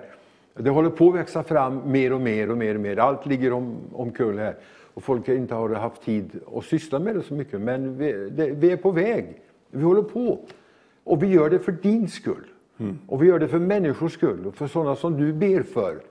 Och som du, som du har som böneämne ska bli frälsta. För det är helt rätt. Du ska be att Paulus han sa, för den skull böjer jag mina knän, sa han. Och jag ber att de ska bli frälsta. Och han hade en sån nöd, så han sa så här en gång att om det skulle hjälpa att jag blev bortkastad från Kristus för att frälsa mina bröder så skulle jag, så skulle jag ge det offret. Så mycket nöd hade han. Men nu behövde inte han ge sitt liv som offer. Det gjorde Jesus. Mm. Han gav sitt liv som ett offer för att människor skulle räddas för evigheten. Och vill du ge ett offer, kanske ekonomiskt, så var med och ta en byggsten eller en julklapp till Vision Sverige. Ring in eller texta in eller ja, skriv in. Gör vad du anser är enklast att göra. Nu ska vi ha en sång till här Eh, från eh, David och Maria. Och så ska vi låta Sigvard Svärd eh, tala till oss in, ungefär in, tio minuter kanske ungefär ytterligare. Och sen kommer vi in i bönetimman och då kommer Göran Utbult och med, med en gäst och tar hand om alla böner. Så du har väl skrivit in, annars så börja nu att skriva in den där bönämnen för det blir bön här en hel timme sen. Och eh, då kan då du få ta med ditt bönämne också, det du ber för. Så tack ska ni ha för att ni är med oss och nu går vi in då i sången. Den förkunnelse vill jag ge och eh, jag läser en vers ur Uppenbarelseboken, det tredje kapitlet och vers 20 där. Och det är Jesus som säger så här. Se, jag står vid dörren och knackar. Om någon hör min röst och öppnar dörren ska jag gå in till honom och hålla måltid med honom och han med mig. Det här är en hälsning till varje människa. Det här är en hälsning till dig. Jesus säger detta direkt till dig. Att om du gör på det här sättet, släpper in honom i ditt liv, i ditt hjärta, så drar han in med hela den himmelska andliga världens välsignelse till dig. Och vilken måltid det blir du och han tillsammans. Eh, då kan man säga att festen börjar i ditt liv. Och nu upplever jag i min ande att jag talar särskilt till en som en gång för länge sedan tillhörde Herren och var en Jesu Kristi förkunnare dessutom. Men av olika anledningar så kom det här, du förlorade det här, du gav bort det här. Eh, men nu kallar Herren Jesus dig tillbaka och han säger, om du, för det är du som har, det är du som har nyckeln, eh, du kan öppna, du öppnar inifrån, då kommer han tillbaka in i ditt liv och det som du förlorade kommer, kommer igen. Och du blir på nytt eh, till en välsignelse för andra. Så ikväll är det läge för vem som helst att ta emot Jesus Kristus. Släpp in honom i ditt liv, som jag fick göra. Och hur skulle jag kunna ångra det? Nej, det var det bästa jag gjorde. Det var när Jesus fick ta hand om mitt liv på nytt igen och förlåta mig min synd. Och jag får leva kvar i syndernas förlåtelse. Och så många människor som jag har fått hjälpa och visa vägen till frälsning och räddning under årens lopp. Och jag står ju mitt i detta nu och det här kan också du få göra. Du blir frälst för egen del och du kan hjälpa andra människor till frälsning. Kan man göra något bättre? Nej, det kan man inte. Nu är tiden inne, nu är den välbehagliga tiden, nu är det frälsningens dag, nu är det frälsningens stund. Så jag ber dig, ber dig, öppna ditt hjärta för Jesus. Säg välkommen in, rena mitt liv, ta bort min synd och sätt mig i brand för andra människors räddning och frälsning. Då gör han det. Det är inte svårare än så här. Och du kan få börja detta liv nu, här och nu ikväll. Var du nu befinner dig någonstans, var du sitter, var du lyssnar. Det har ingen betydelse för att det kan hända nu. Precis nu kan det inträffa. Så det finns en hälsning särskilt till dig som en gång har varit med i detta, som en gång har förkunnat så som jag förkunnar nu. Men det har försvunnit av olika omständigheter, olika anledningar. Men nu kan du få komma tillbaka in i detta. Du är inte för gammal. Ingen pensioneras i Guds rike, utan den kallelse som du erfor en gång för länge sedan, den blir ny, den blir levande, den blir fräsch, den blir aktuell. Så säg ja till Jesus nu. Han hör dig, han ser dig, han vet vad du är. I Jesu Kristi namn. Amen. Herre, jag vill tacka dig för att du möter särskilt med den här personen, den här människan som en gång har stått i din tjänst, som en gång har varit med på barrikaderna för ditt rike. Tack för att du vet om var den personen just nu befinner sig någonstans, i vilken miljö det är frågan om, vilken plats, tankarna som rör sig nu, Herre, Tack för att det ska ske ett under, ett frälsningsunder, ett återkommande, en, en förnyelse just nu. Men många som hör detta, det kan vara flera nu, som på en gång överlämnar sitt liv åt Jesus Kristus. Tack för att det får ske Herre. Genom din Ande verkar du nu på många människor som ser det här på TV Vision ikväll. Vilken underbar möjlighet! Och du säger ja till Jesus nu välsignelse över ditt liv. Amen. Amen. Amen. Amen. Och har du bett tillsammans med Sigvard Svärd nu och du bad, så ring in och berätta det med en gång för någon utav de som svarar i telefonerna ikväll. Berätta! Och så skriv att du önskar, om du så vill, en bok som kan vägleda dig vidare, eller en uppmuntran, eller kanske du vill ha en bibel eller någonting. Bara ring in och säg det att jag vill gå vidare på den här vägen. Och du som en gång var med och kommer tillbaka, du hör av dig också på det sätt som du känner för.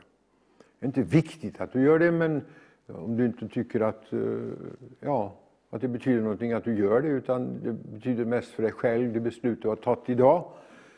Det kommer folk att se eh, frukten av och resultaten av det beslut du fattade här ikväll. För det handlar om beslut, det handlar om vilja. Jesus säger att den som vill, han kommer och tar livets vatten för intet. Den som vill, han kommer. Jesus kom till Jerusalems folk och de det står att han kom till sitt eget, hans egna tog inte emot honom. Så tragiskt. Och då är det Gudasonen själv som kommer, som gjorde tecken och under och mirakler och uppväckte döda. Det hjälpte inte.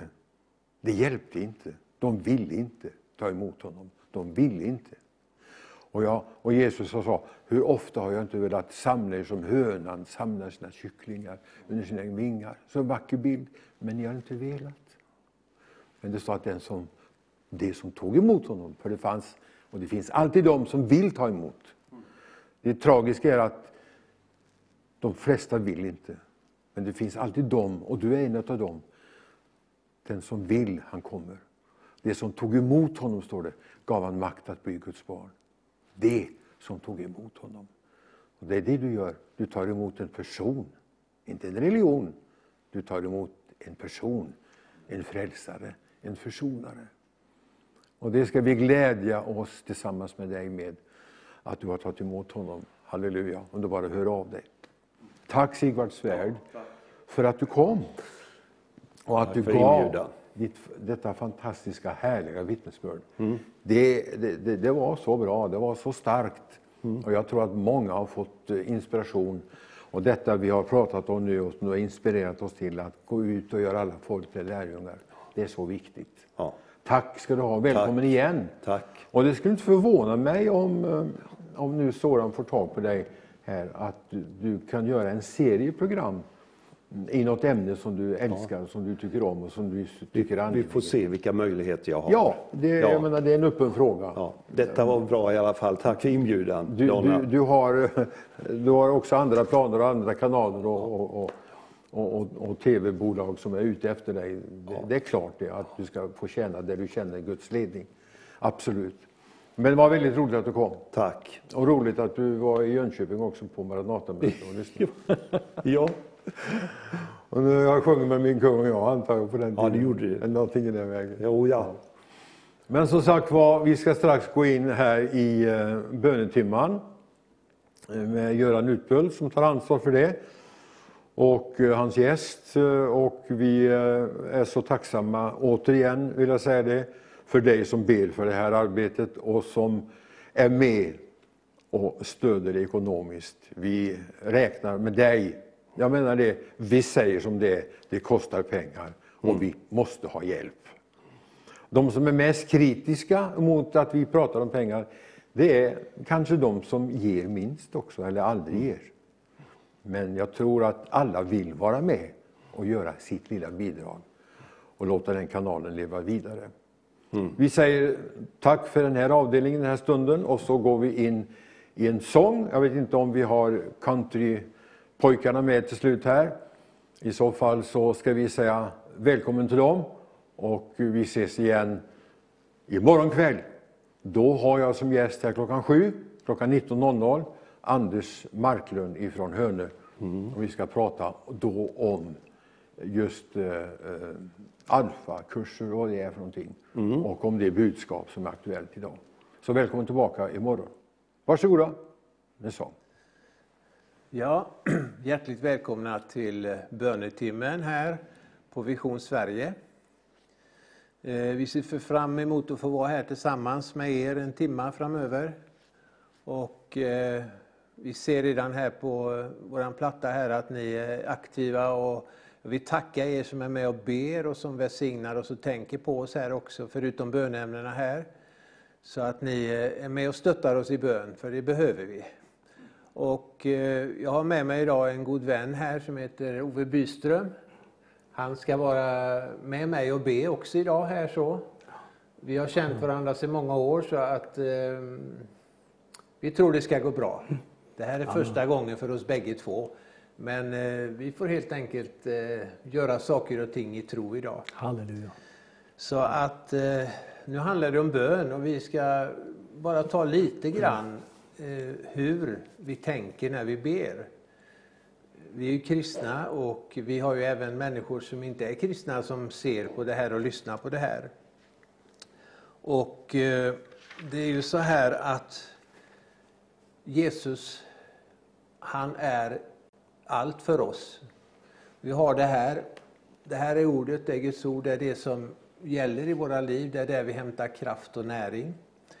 Och eh, när vi ber så tänker vi också på det här att vi måste inte vara hos dig, vi måste inte stå jämte dig, utan vi kan vara på, på distans. Och då tänker jag på det Jesus säger i eh, till lärjungarna i Matteus 21-22 så säger Jesus så här till sina lärjungar, allt vad ni ber om i er bön ska ni få när ni tror.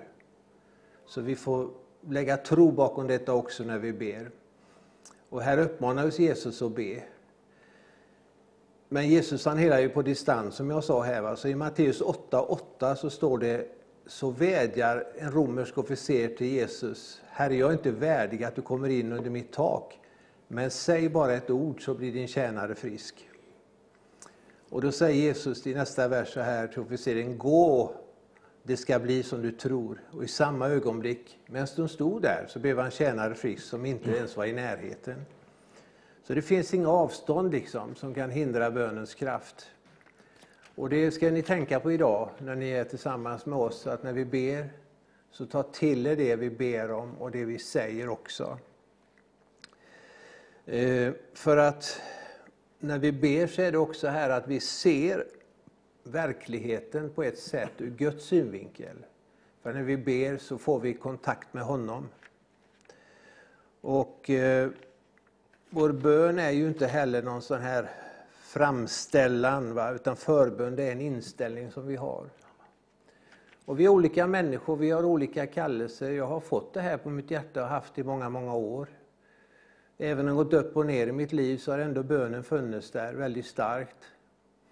Och det bara fortsätter, för när man väl börjar med Herren och går med Herren så finns det liksom inget slut, utan det är inte någon viss timme på dagen kanske, eller vi ska göra det då, eller vi ska be på ett speciellt sätt, utan han är och vi är hela tiden, så är han med oss.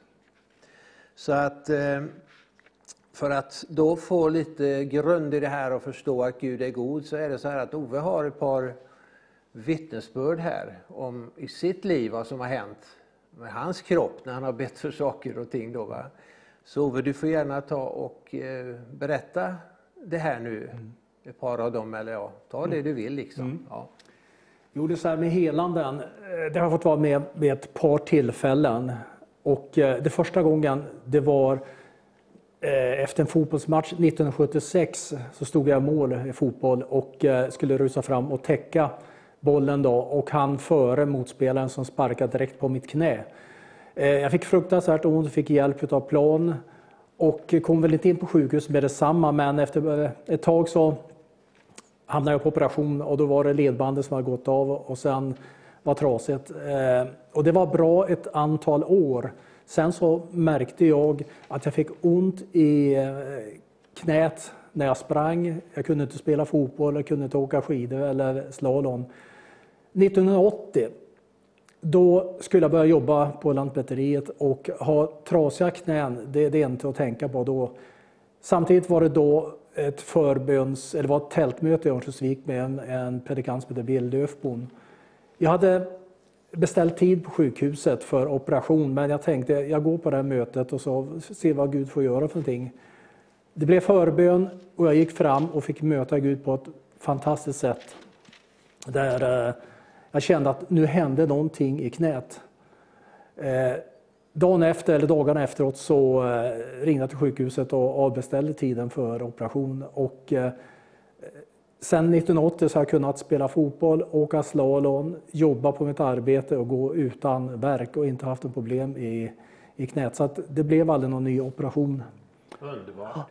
Du hade också något med en eh, tennisarmbåge om jag inte minns fel för många år sedan när vi umgicks. Att du hade problem, mm. jätteproblem med din arm. Vad hände då? Eh, jo, det var så här att jag hade i mitt arbete så gick jag omkring med en GPS vid vänsterhanden under ja ja, flera veckors tid. Då, ganska en, liksom ensidigt höll den på, ja, bara med vänsterhanden och fick ont i min vänstra armbåge. Så jag gick till företagshälsovården och eh, de konstaterade då att det var tennisarm. Eh, och eh, ja, fick väl olika träningsprogram då, men ingenting blev bättre. Sen 2001, då var den första konferensen av New Wine uppe i Töcksfors i Värmland. Och eh, då var det ett team från England där med en pastor och så var det de som bad. Då. Och då var det någon som fick ett ord, kunskapens ord som man säger. Att det är någon här som har problem med sin vänstra armbåge. Och jag kände det här, det här är till mig alltså. Det, jag gick fram och jag fick uppleva Guds kraft väldigt starkt. Så att jag låg utslagen på golvet och kom inte upp då. Och eh, smärtan försvann eh, efter det mötet och har inte haft problem med, med um, tennisarm sedan dess. Underbart. Så det, det, Hur kändes det? Ja, alltså det, det, var ju helt fantastiskt för att när jag satt i en stol, jag kunde liksom inte hålla armen stilla. Här, det värkte hela tiden än vad jag gjorde då. Och de brukar göra så att de, om de drar fingrarna så, här, så spänner det här bak i armbågen om man har tennisarm. Då. Men bara känna att släppa detta och att inte ha någon verk längre. Och det var viktigt för jobbet det här, det förstår jag. För det, Ja. var, det var en plåga för det, minns jag. Precis. Jag tänker på en annan gång vi har pratat om också att få känna Guds frid inför någonting, inför en operation vet jag att du varit med om. Kan Ja. du berätta om det? Jo, eh, jag har haft problem med eh, höftled, artros då, under många år. Då. Och eh, när det sen blev dags för eh, operation, jag hade väl hoppats att det skulle bli ett helande där i eh, höften. Då, men eh, jag kände, okej, okay, blir det inte ett helande där nu, då, då, då får det bli operation. Då. När jag var på sjukhuset i Mölndal så eh, kände jag viss besvikelse över att det blev det inte mer än så här. Jag hade hoppats så innerligt då, så att jag kände viss oro då. Men då bad de för mig runt om i Sverige och all oro släppte. Så när jag satt där på operationsbordet och eh, vänta på den ryggmärgsbedövningen så det kändes bara liksom en frid eh, och helt plötsligt var operationen över. Eh, och sen dess, efter operationen, så är jag i stort sett återställd och ingen värk. Så att ibland kan det vara att man, eh, det kan vara ett ingripande i en operation också.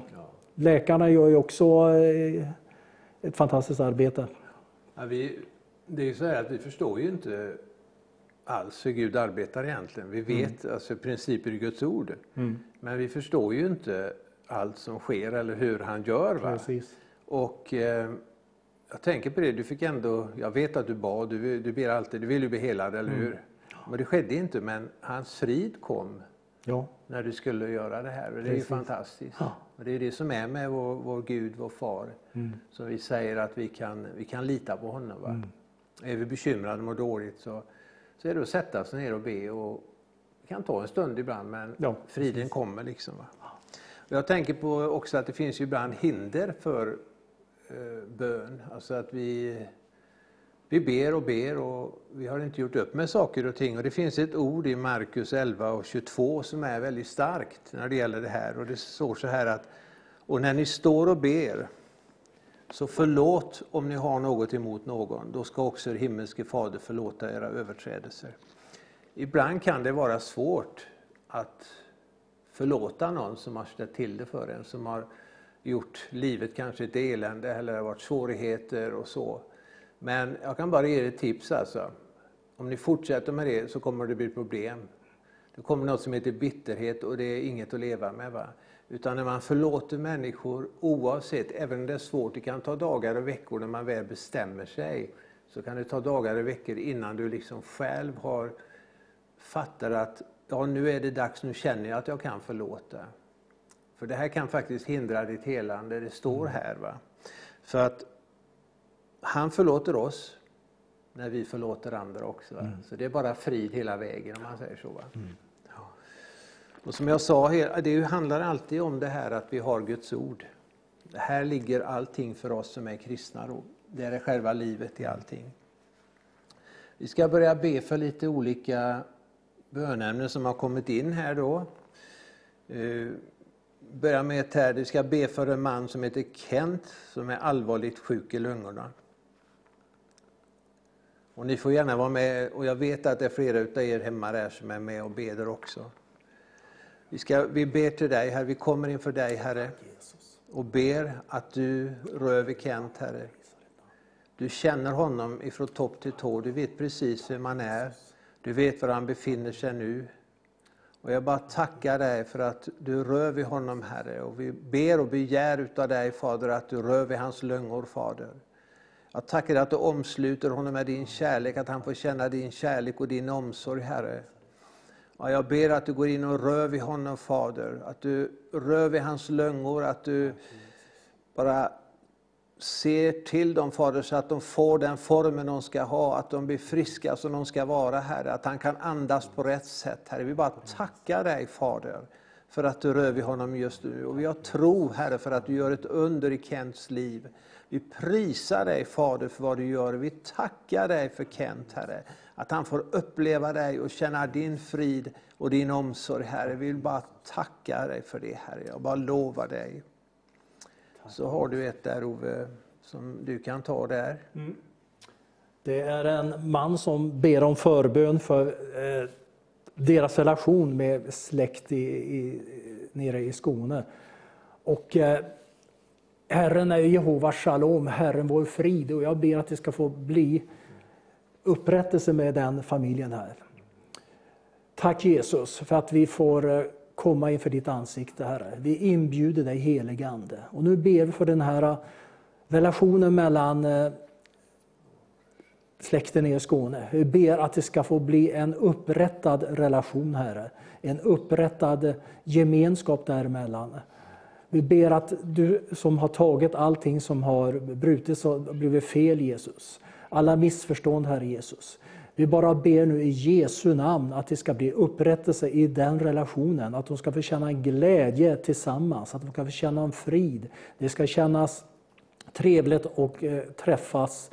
Tack Jesus för upprättelse i Jesu namn. I Jesu namn. Din frid ska komma in där. I Jesu namn. I Jesu namn. I Jesu namn. Vi prisar dig. Halleluja. Så har vi eh, en man, han ber om förbön för sin frus välbefinnande. Det står inte närmare vad det är, men Herren vet ju det här när vi ber. Så jag bara tackar dig Fader för den här mannen som i frimodighet lägger fram sin fru, Herre. Och du känner hennes problem, du vet om vad det är som han talar om här, Herre. Så det här välbefinnandet som hon behöver, vi ber att du kommer över henne med din frid och din kärlek och din helande kraft, Herre. Den kraft som kommer ifrån himlen, Fader. Jag bara tackar dig att vi får be i Jesu namn, i den heliga Andes kraft, för fullständigt helande, Herre. Att hennes välbefinnande ska bara bli bättre och bättre och dag för dag ska hennes styrka, hennes kraft öka, Herre. Dag för dag välsignar du henne, Fader. Jag bara tackar dig för den heliga Andes kraft. Jag tackar dig, heliga Ande, för att du rör vid denna kvinna, Herre. För i det här med välbefinnande så finns det också att umgås med dig, Fader. Så jag tackar dig att du rör vid hennes hjärta. Du rör vid hennes själ också, Fader. Jag bara ber dig, Herre, kom med din eld. Kom med din eld över henne, Fader. Jag bara tackar dig, välsigna Herre. Vi tror på dig, ber vi. Vi tackar dig i tro, Herre. I Jesu namn, Fader i himlen.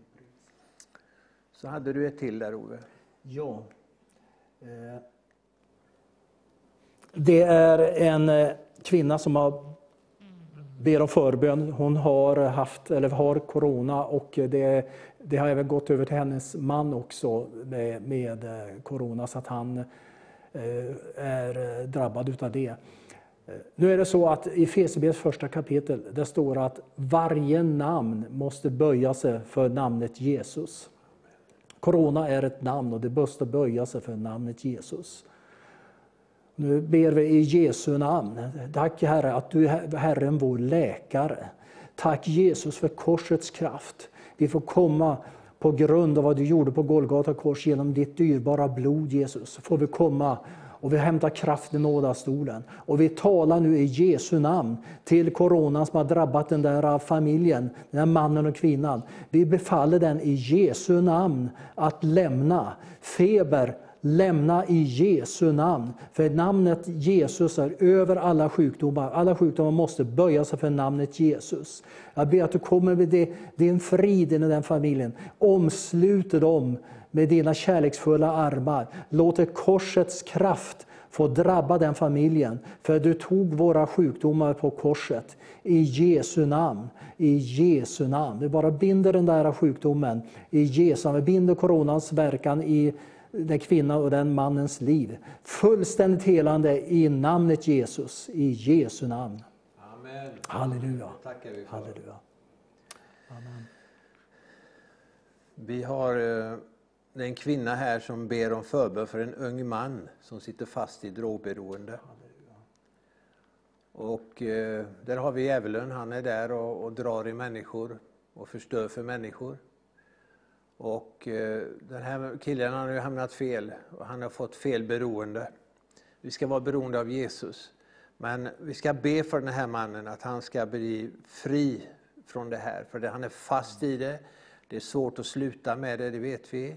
Det kan vara fruktansvärt att försöka lägga av med det, tända av det. Men vi ber om en ledning och hjälp i detta, Herre. Så vi kommer inför dig, Fader, i ditt underbara namn, Herre. Namnet som är över alla andra namn. Vi ber för den här killen som du också känner, du vet om honom Herre. Han är fast i droger, han är fast i någonting som han egentligen inte ska vara i hans kropp, som inte tillhör honom Herre. Så vi bara, vi bara binder upp de här drogerna Herre som är i hans liv, vi binder upp dem Fader. Och bara hugger av den kontakten Herre, så att han ska befria ditt namn. Jag bara tackar dig Fader. Du är så underbar och du vet precis vad han behöver. Du känner hans smärta, du känner hans ångest, du känner hans sömnsvårigheter. Du känner att kraften har gått ur honom, den här förvirringen som kommer. Herre, du rör vid honom i din nåd. Och jag bara prisar dig för det kraft och makt i ditt, i ditt namn, Herre, när vi beder, Fader. Utan dig och ditt namn så skulle ingenting hända med den här killen, Herre.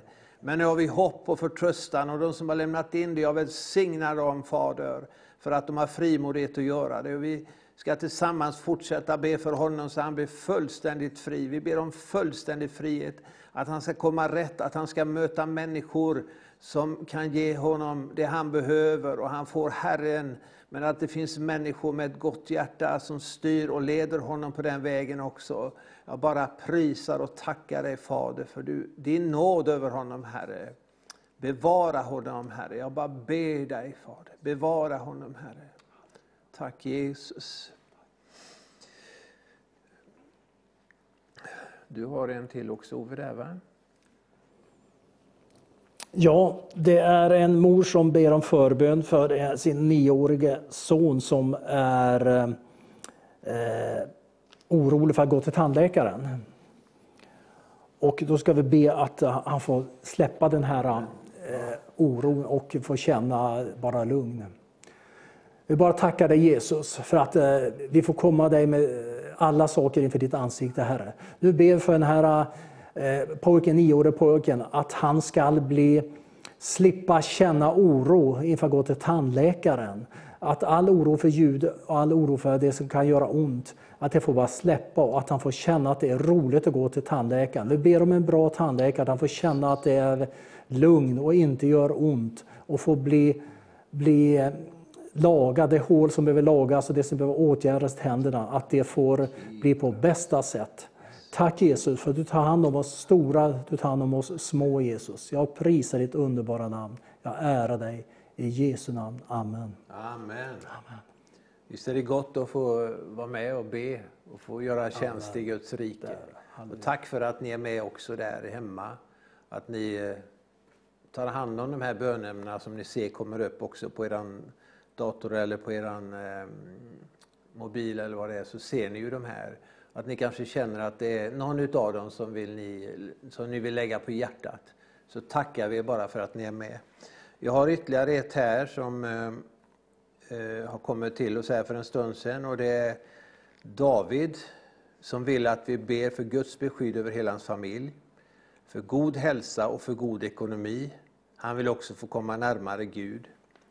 Så eh, jag ber Ove, jag tänkte så här att om du, det är så mycket här va, så att du ber om Guds beskydd och för hans hälsa. Du mm. börjar med det, Guds beskydd ja. och hälsa, så ja. fortsätter jag sen. Amen, det gör Varsågod. Ja, Jesus, jag prisar och ärar dig för att vi får komma inför ditt ansikte, Herre. Och tack för att i psalm 91 så får vi åberopa dina vingars beskydd, Herre. Och jag ber att David och hans familj ska få vara under dina vingars beskydd. De ska inte behöva känna fruktan eller oro, utan du tar hand om dem.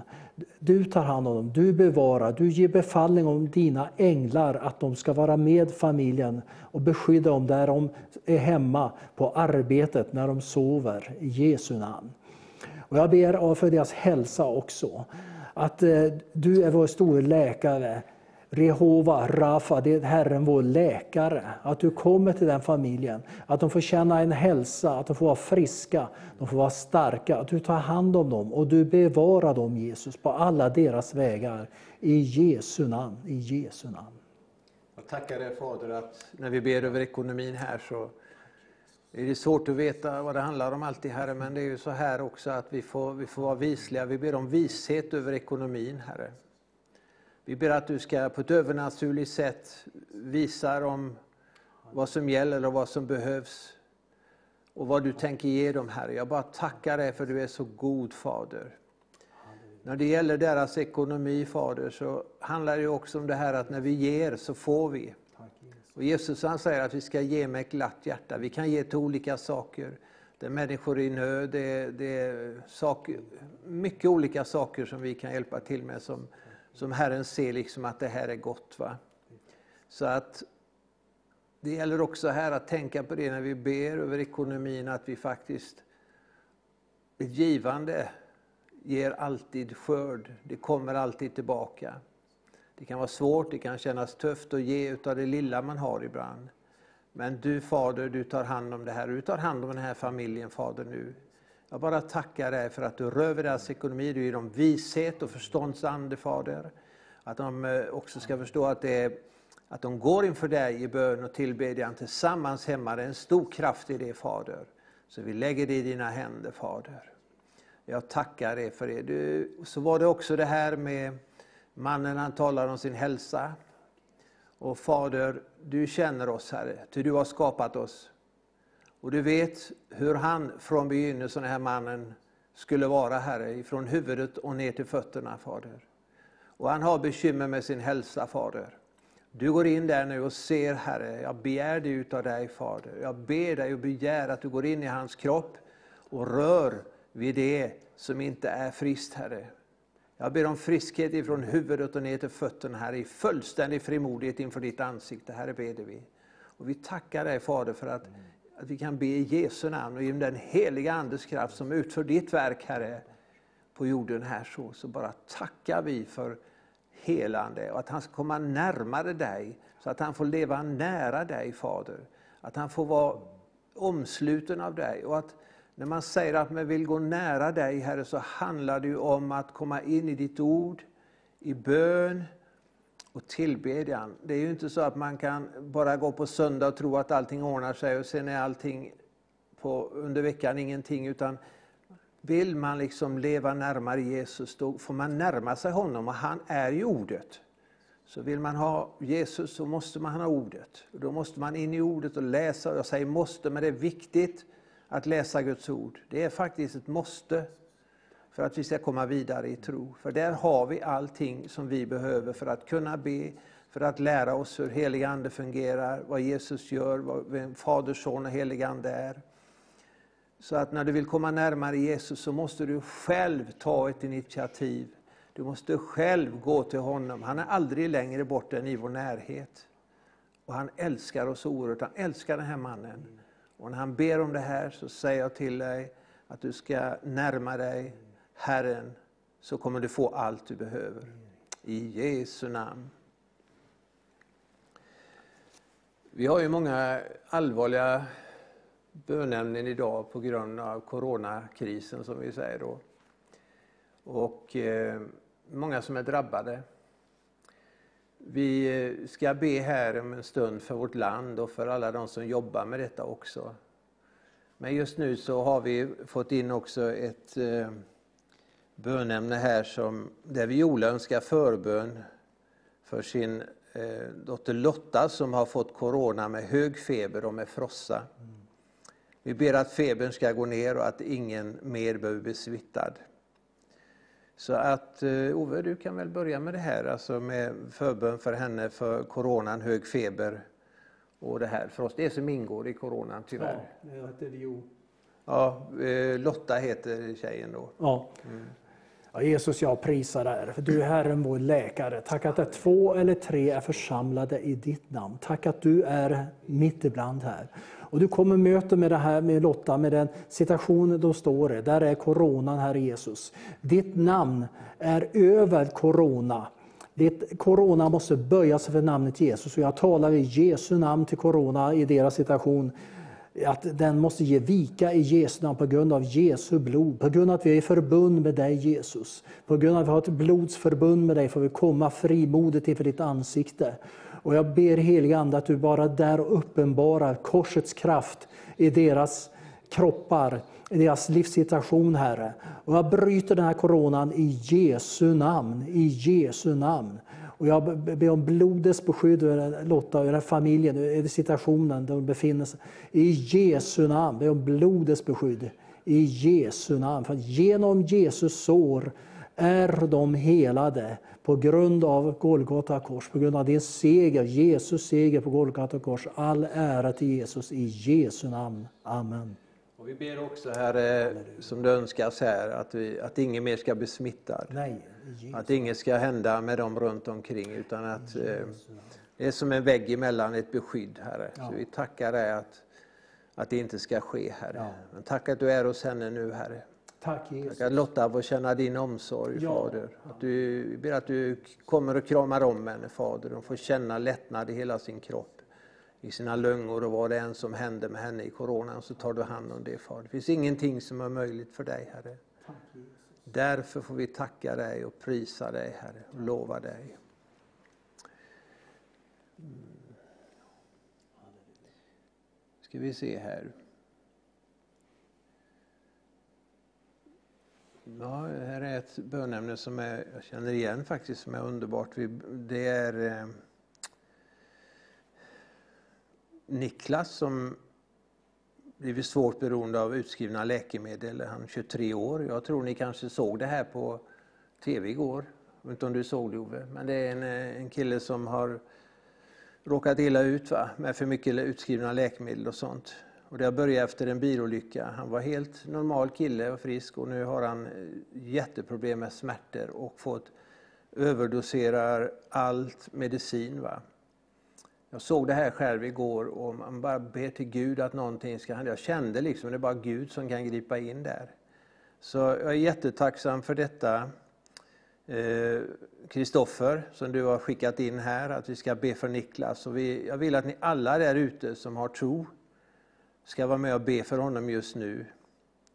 Eh, så att han blir fri från, ja, det är så, så mycket läkemedel va, så man tror inte det är sant. Och, och det är ett missbruk som vården har skapat, eller ja, läkarna har skapat för honom. Då, va.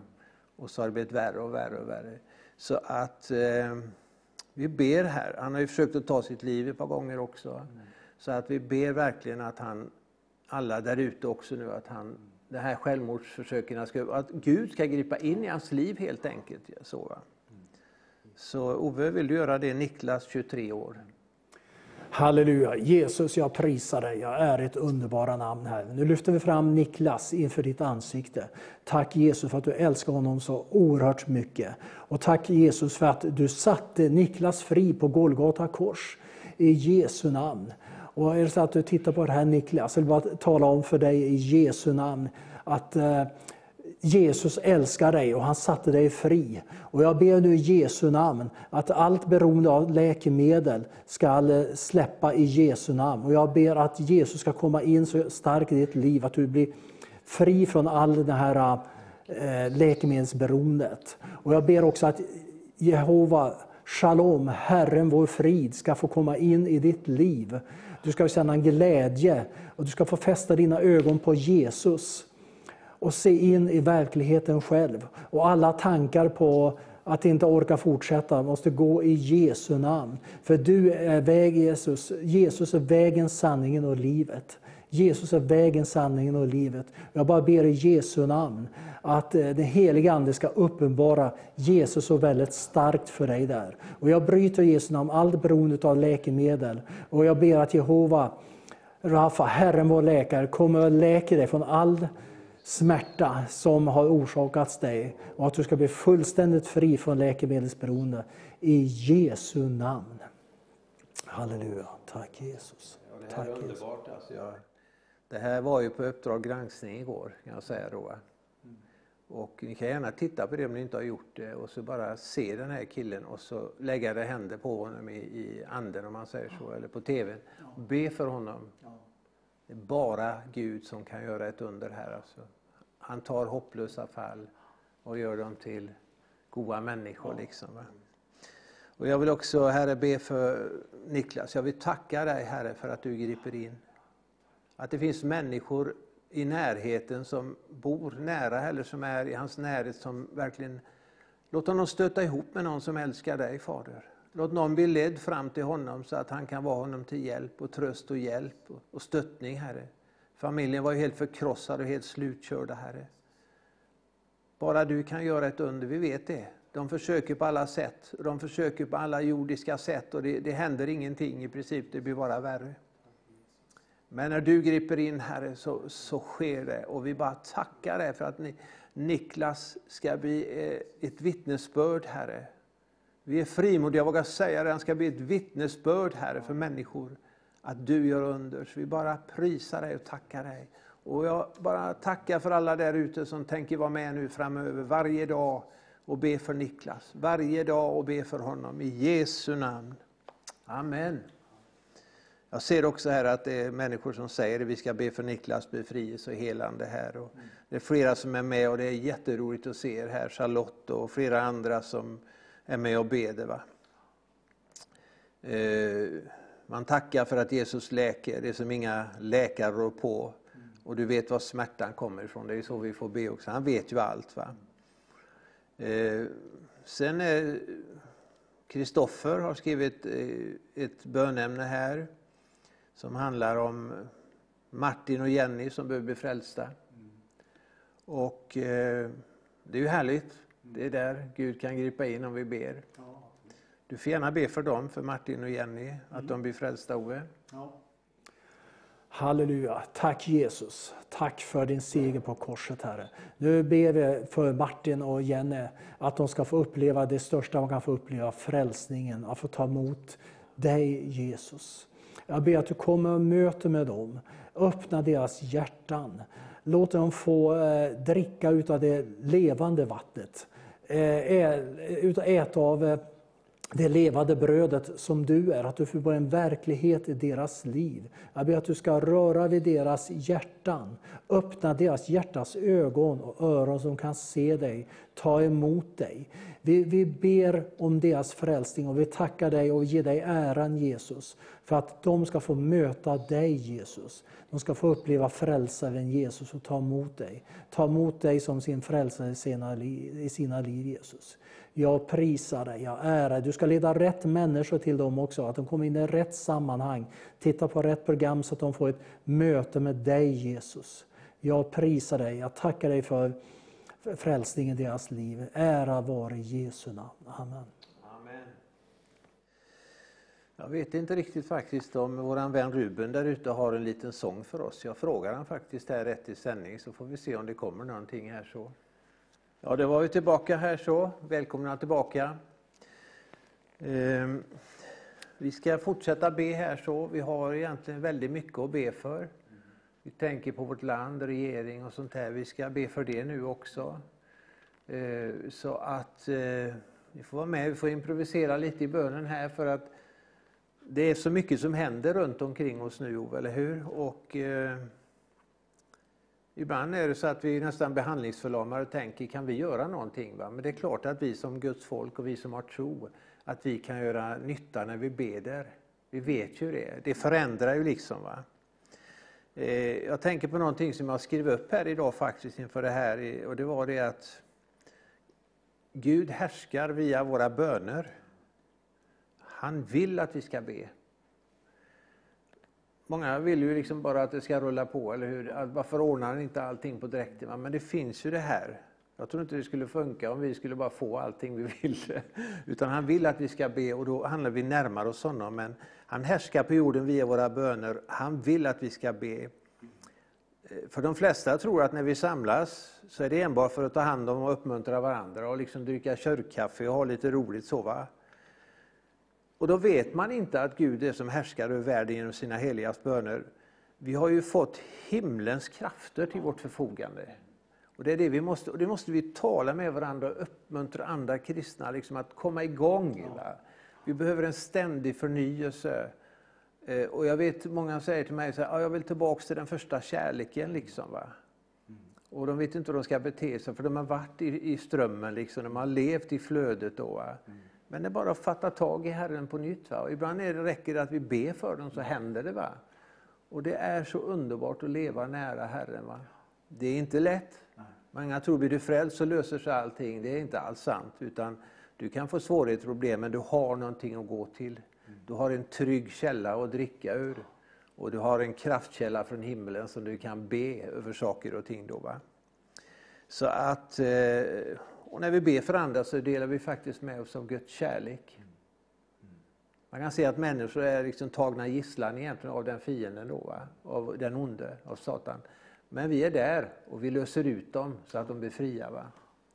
Så att eh, vi ska be nu här Ove, du får känna dig fri och be för vårt land och för alla som arbetar med det här med Corona, våra ledning i, i vårt land och i våra kommuner. Och allt det här som verkligen behövs idag. Va? Klagar vi bra på, men be ska vi vara bättre på. Så varsågod. Ja. Nej, men jag lyssnar på nyheterna idag och de har pratat om de olika restriktionerna som har kommit eh, på grund av Corona. Det blir så väldigt mycket av detta och jag upplever att det blir en fruktan nästan, en rädsla. Människor ska knappt kunna umgås med varandra. Och visst, vi ska hantera det på ett varsamt sätt, men som kristen vi är kallade till frihet. Så jag var tvungen att lyssna på ett annat, så jag lyssnade på eh, program från Rörstrand och där Roland Utbult sjöng en lovsång som till vår Gud. Och det rörde mig så väldigt mycket, för vi, vi har en Gud att komma till som har satt oss fria. Vi behöver inte vandra i rädsla, vi behöver inte vandra i fruktan. Eh, om vi gör vad vi kan göra så gör Gud det vi inte kan göra. Han har satt oss fria. Han har satt oss fria från slaveriets eh, förbannelse som det är att vara under fruktan, att vara under rädsla. Eh, han har lovat att han alltid ska vara med oss. Och Ordet säger också att eh, redan före jordens skapelse utvalde han oss i Kristus. Tänk det, liksom. vi är utvalda i Kristus innan någonting fanns. Gud har koll på det hela. Men vi behöver be. Det är det som är så viktigt, att vi börjar dagen med bön. Samtala med Herren i olika situationer. Att fäst din blick på Jesus. Han är trons hövding och fullkomnare. Annars är det så lätt att man fäster ögonen på allt som sker. Vi ska ha munskydd och vi ska inte göra det och man ska inte göra det. Det skapar en handlingsförlamning. Vi kan vara fria i Kristus samtidigt som vi kan ha ett ansvar i, i samhället. Men att vi kan få beröra vår omgivning, våra människor också, med att det finns ett hopp här. Jesus, jag bara prisar ditt underbara namn för du kom och satte oss fria från slaveriets band på Golgata kors. Vi är kallade till frihet. Kristi kropp är kallad till frihet. Församlingen tillhör dig. Den är kallad till frihet. Och jag löser Jesu namn, Kristi församling här från den bundenhet och handlingsförlamning och rädsla som finns här. Ibland är det förvirring också. Att det var lösen i Jesu namn. Du har satt oss fria att eh, vara fria i ditt namn Jesus. Och jag ber helige Ande att du kommer över Kristi kropp här i vårt land här nu. Kommer nytt med din eld här över församlingarna. Kommer med, med det levande vattnet över församlingarna. Kom med ditt levande ord, med ditt bröd över församlingarna i vårt, i vårt land. Låt den korsmärkta flaggan få vara ett korsmärke över vårt land, Herre Jesus. Låt eh, helige Helga Ansholmen få vara den heliga Andes holme, där den helige Ande får verka och påverka våra beslutshavande som ska fatta beslut här i alla sammanhang här. Kom över det där tre kronor att vara den helige Ande, Fadern, Sonen, den helige Ande får vara över vårt land, Herre Jesus. Jag prisar, kommer din eld över vårt land, Herre Jesus, från norr till söder, Herre Jesus. Jag prisar dig, vi får lyfta blicken till dig Jesus, vi behöver inte vandra i fruktan, för du har sagt att du är med oss. Du är med oss in till tidens ände, du lämnar oss aldrig. Jag ärar dig Jesus. Jag prisar ditt underbara namn. Tack att du berör de som tittar på det här programmet också, som känner en oro, som känner en fruktan för hur ska det bli Herre. Men du kommer med din heliga Ande över dem du kommer och styrker dem, Herre. Och jag löser dem som vandrar i oro inför detta, som vandrar i fruktan för detta. Att de får fästa sin blick på dig, Jesus. Jag löser av dem all, allt negativt som man har hört på, som är på, och den oro som är ute i världen. Vi får fästa vår blick på dig, Jesus. Tack Jesus, att när det är födsel och vånda, Herre, så får vi lyfta blicken till dig, Jesus. Jag prisar dig och vi får känna en glädje, känna en frid att vi har dig, Jesus. Tack Jesus. Jesús. Jag ärar ditt namn. Kommer vi alla eh, landsting, alla kommuner i vårt land, Herre, och ber beslutsfattare. Jag ber att du kommer över sjukvårdspersonal som vandrar i oro och rädsla inför allt detta. Jag ber om beskydd över läkare, sköterskor, sjukvårdspersonal på våra äldreboende. Jag ber om ett beskydd, jag ber om blodets beskydd. Jag ber om blodets beskydd, Herre. Tack Jesus att vi får vara i förbund med dig och på grund av Jesu blod får vi komma för ditt ansikte och ber för vårt land. Vi ber för vårt land i Jesu namn. Amen. Halleluja.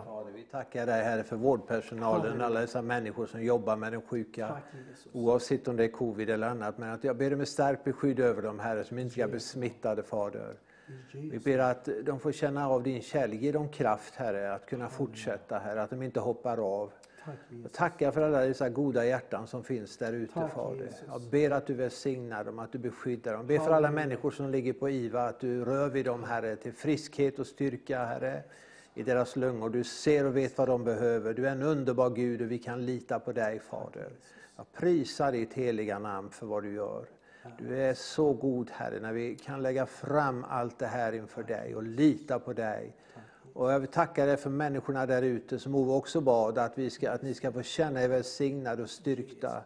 Och att ni ska vara med och be för, för alla dessa bönämnen som vi har tagit upp idag. Särskilt då Niklas som, vi har, som ni kan se på TV. Då, va? Så var välsignad i Jesu namn. Ja, det går lite mot sitt slut här. Och eh, jag är väldigt glad och tacksam Ove att du har varit med oss idag. Vi är ju gamla vänner. Jag har ju faktiskt varit i, olika omgångar, varit i bön i, i 20 år. Ja. Ja, eller hur? Det är det. Och vi har haft det underbart va, tillsammans i, i hemförsamlingen, he- husförsamling kan man kalla det, som vi har haft. Va? Och det har varit, eh, ja, vi har, där har man verkligen sett Gud göra under alltså, Ja. på alla områden, både ande, själ och kropp. Eh, så jag vill bara uppmuntra er som är kristna nu att vill ni vidare med Herren, vill ni leva i flödet, så handlar det bara om att närma er honom. Och han är aldrig längre bort än i er närhet alltså.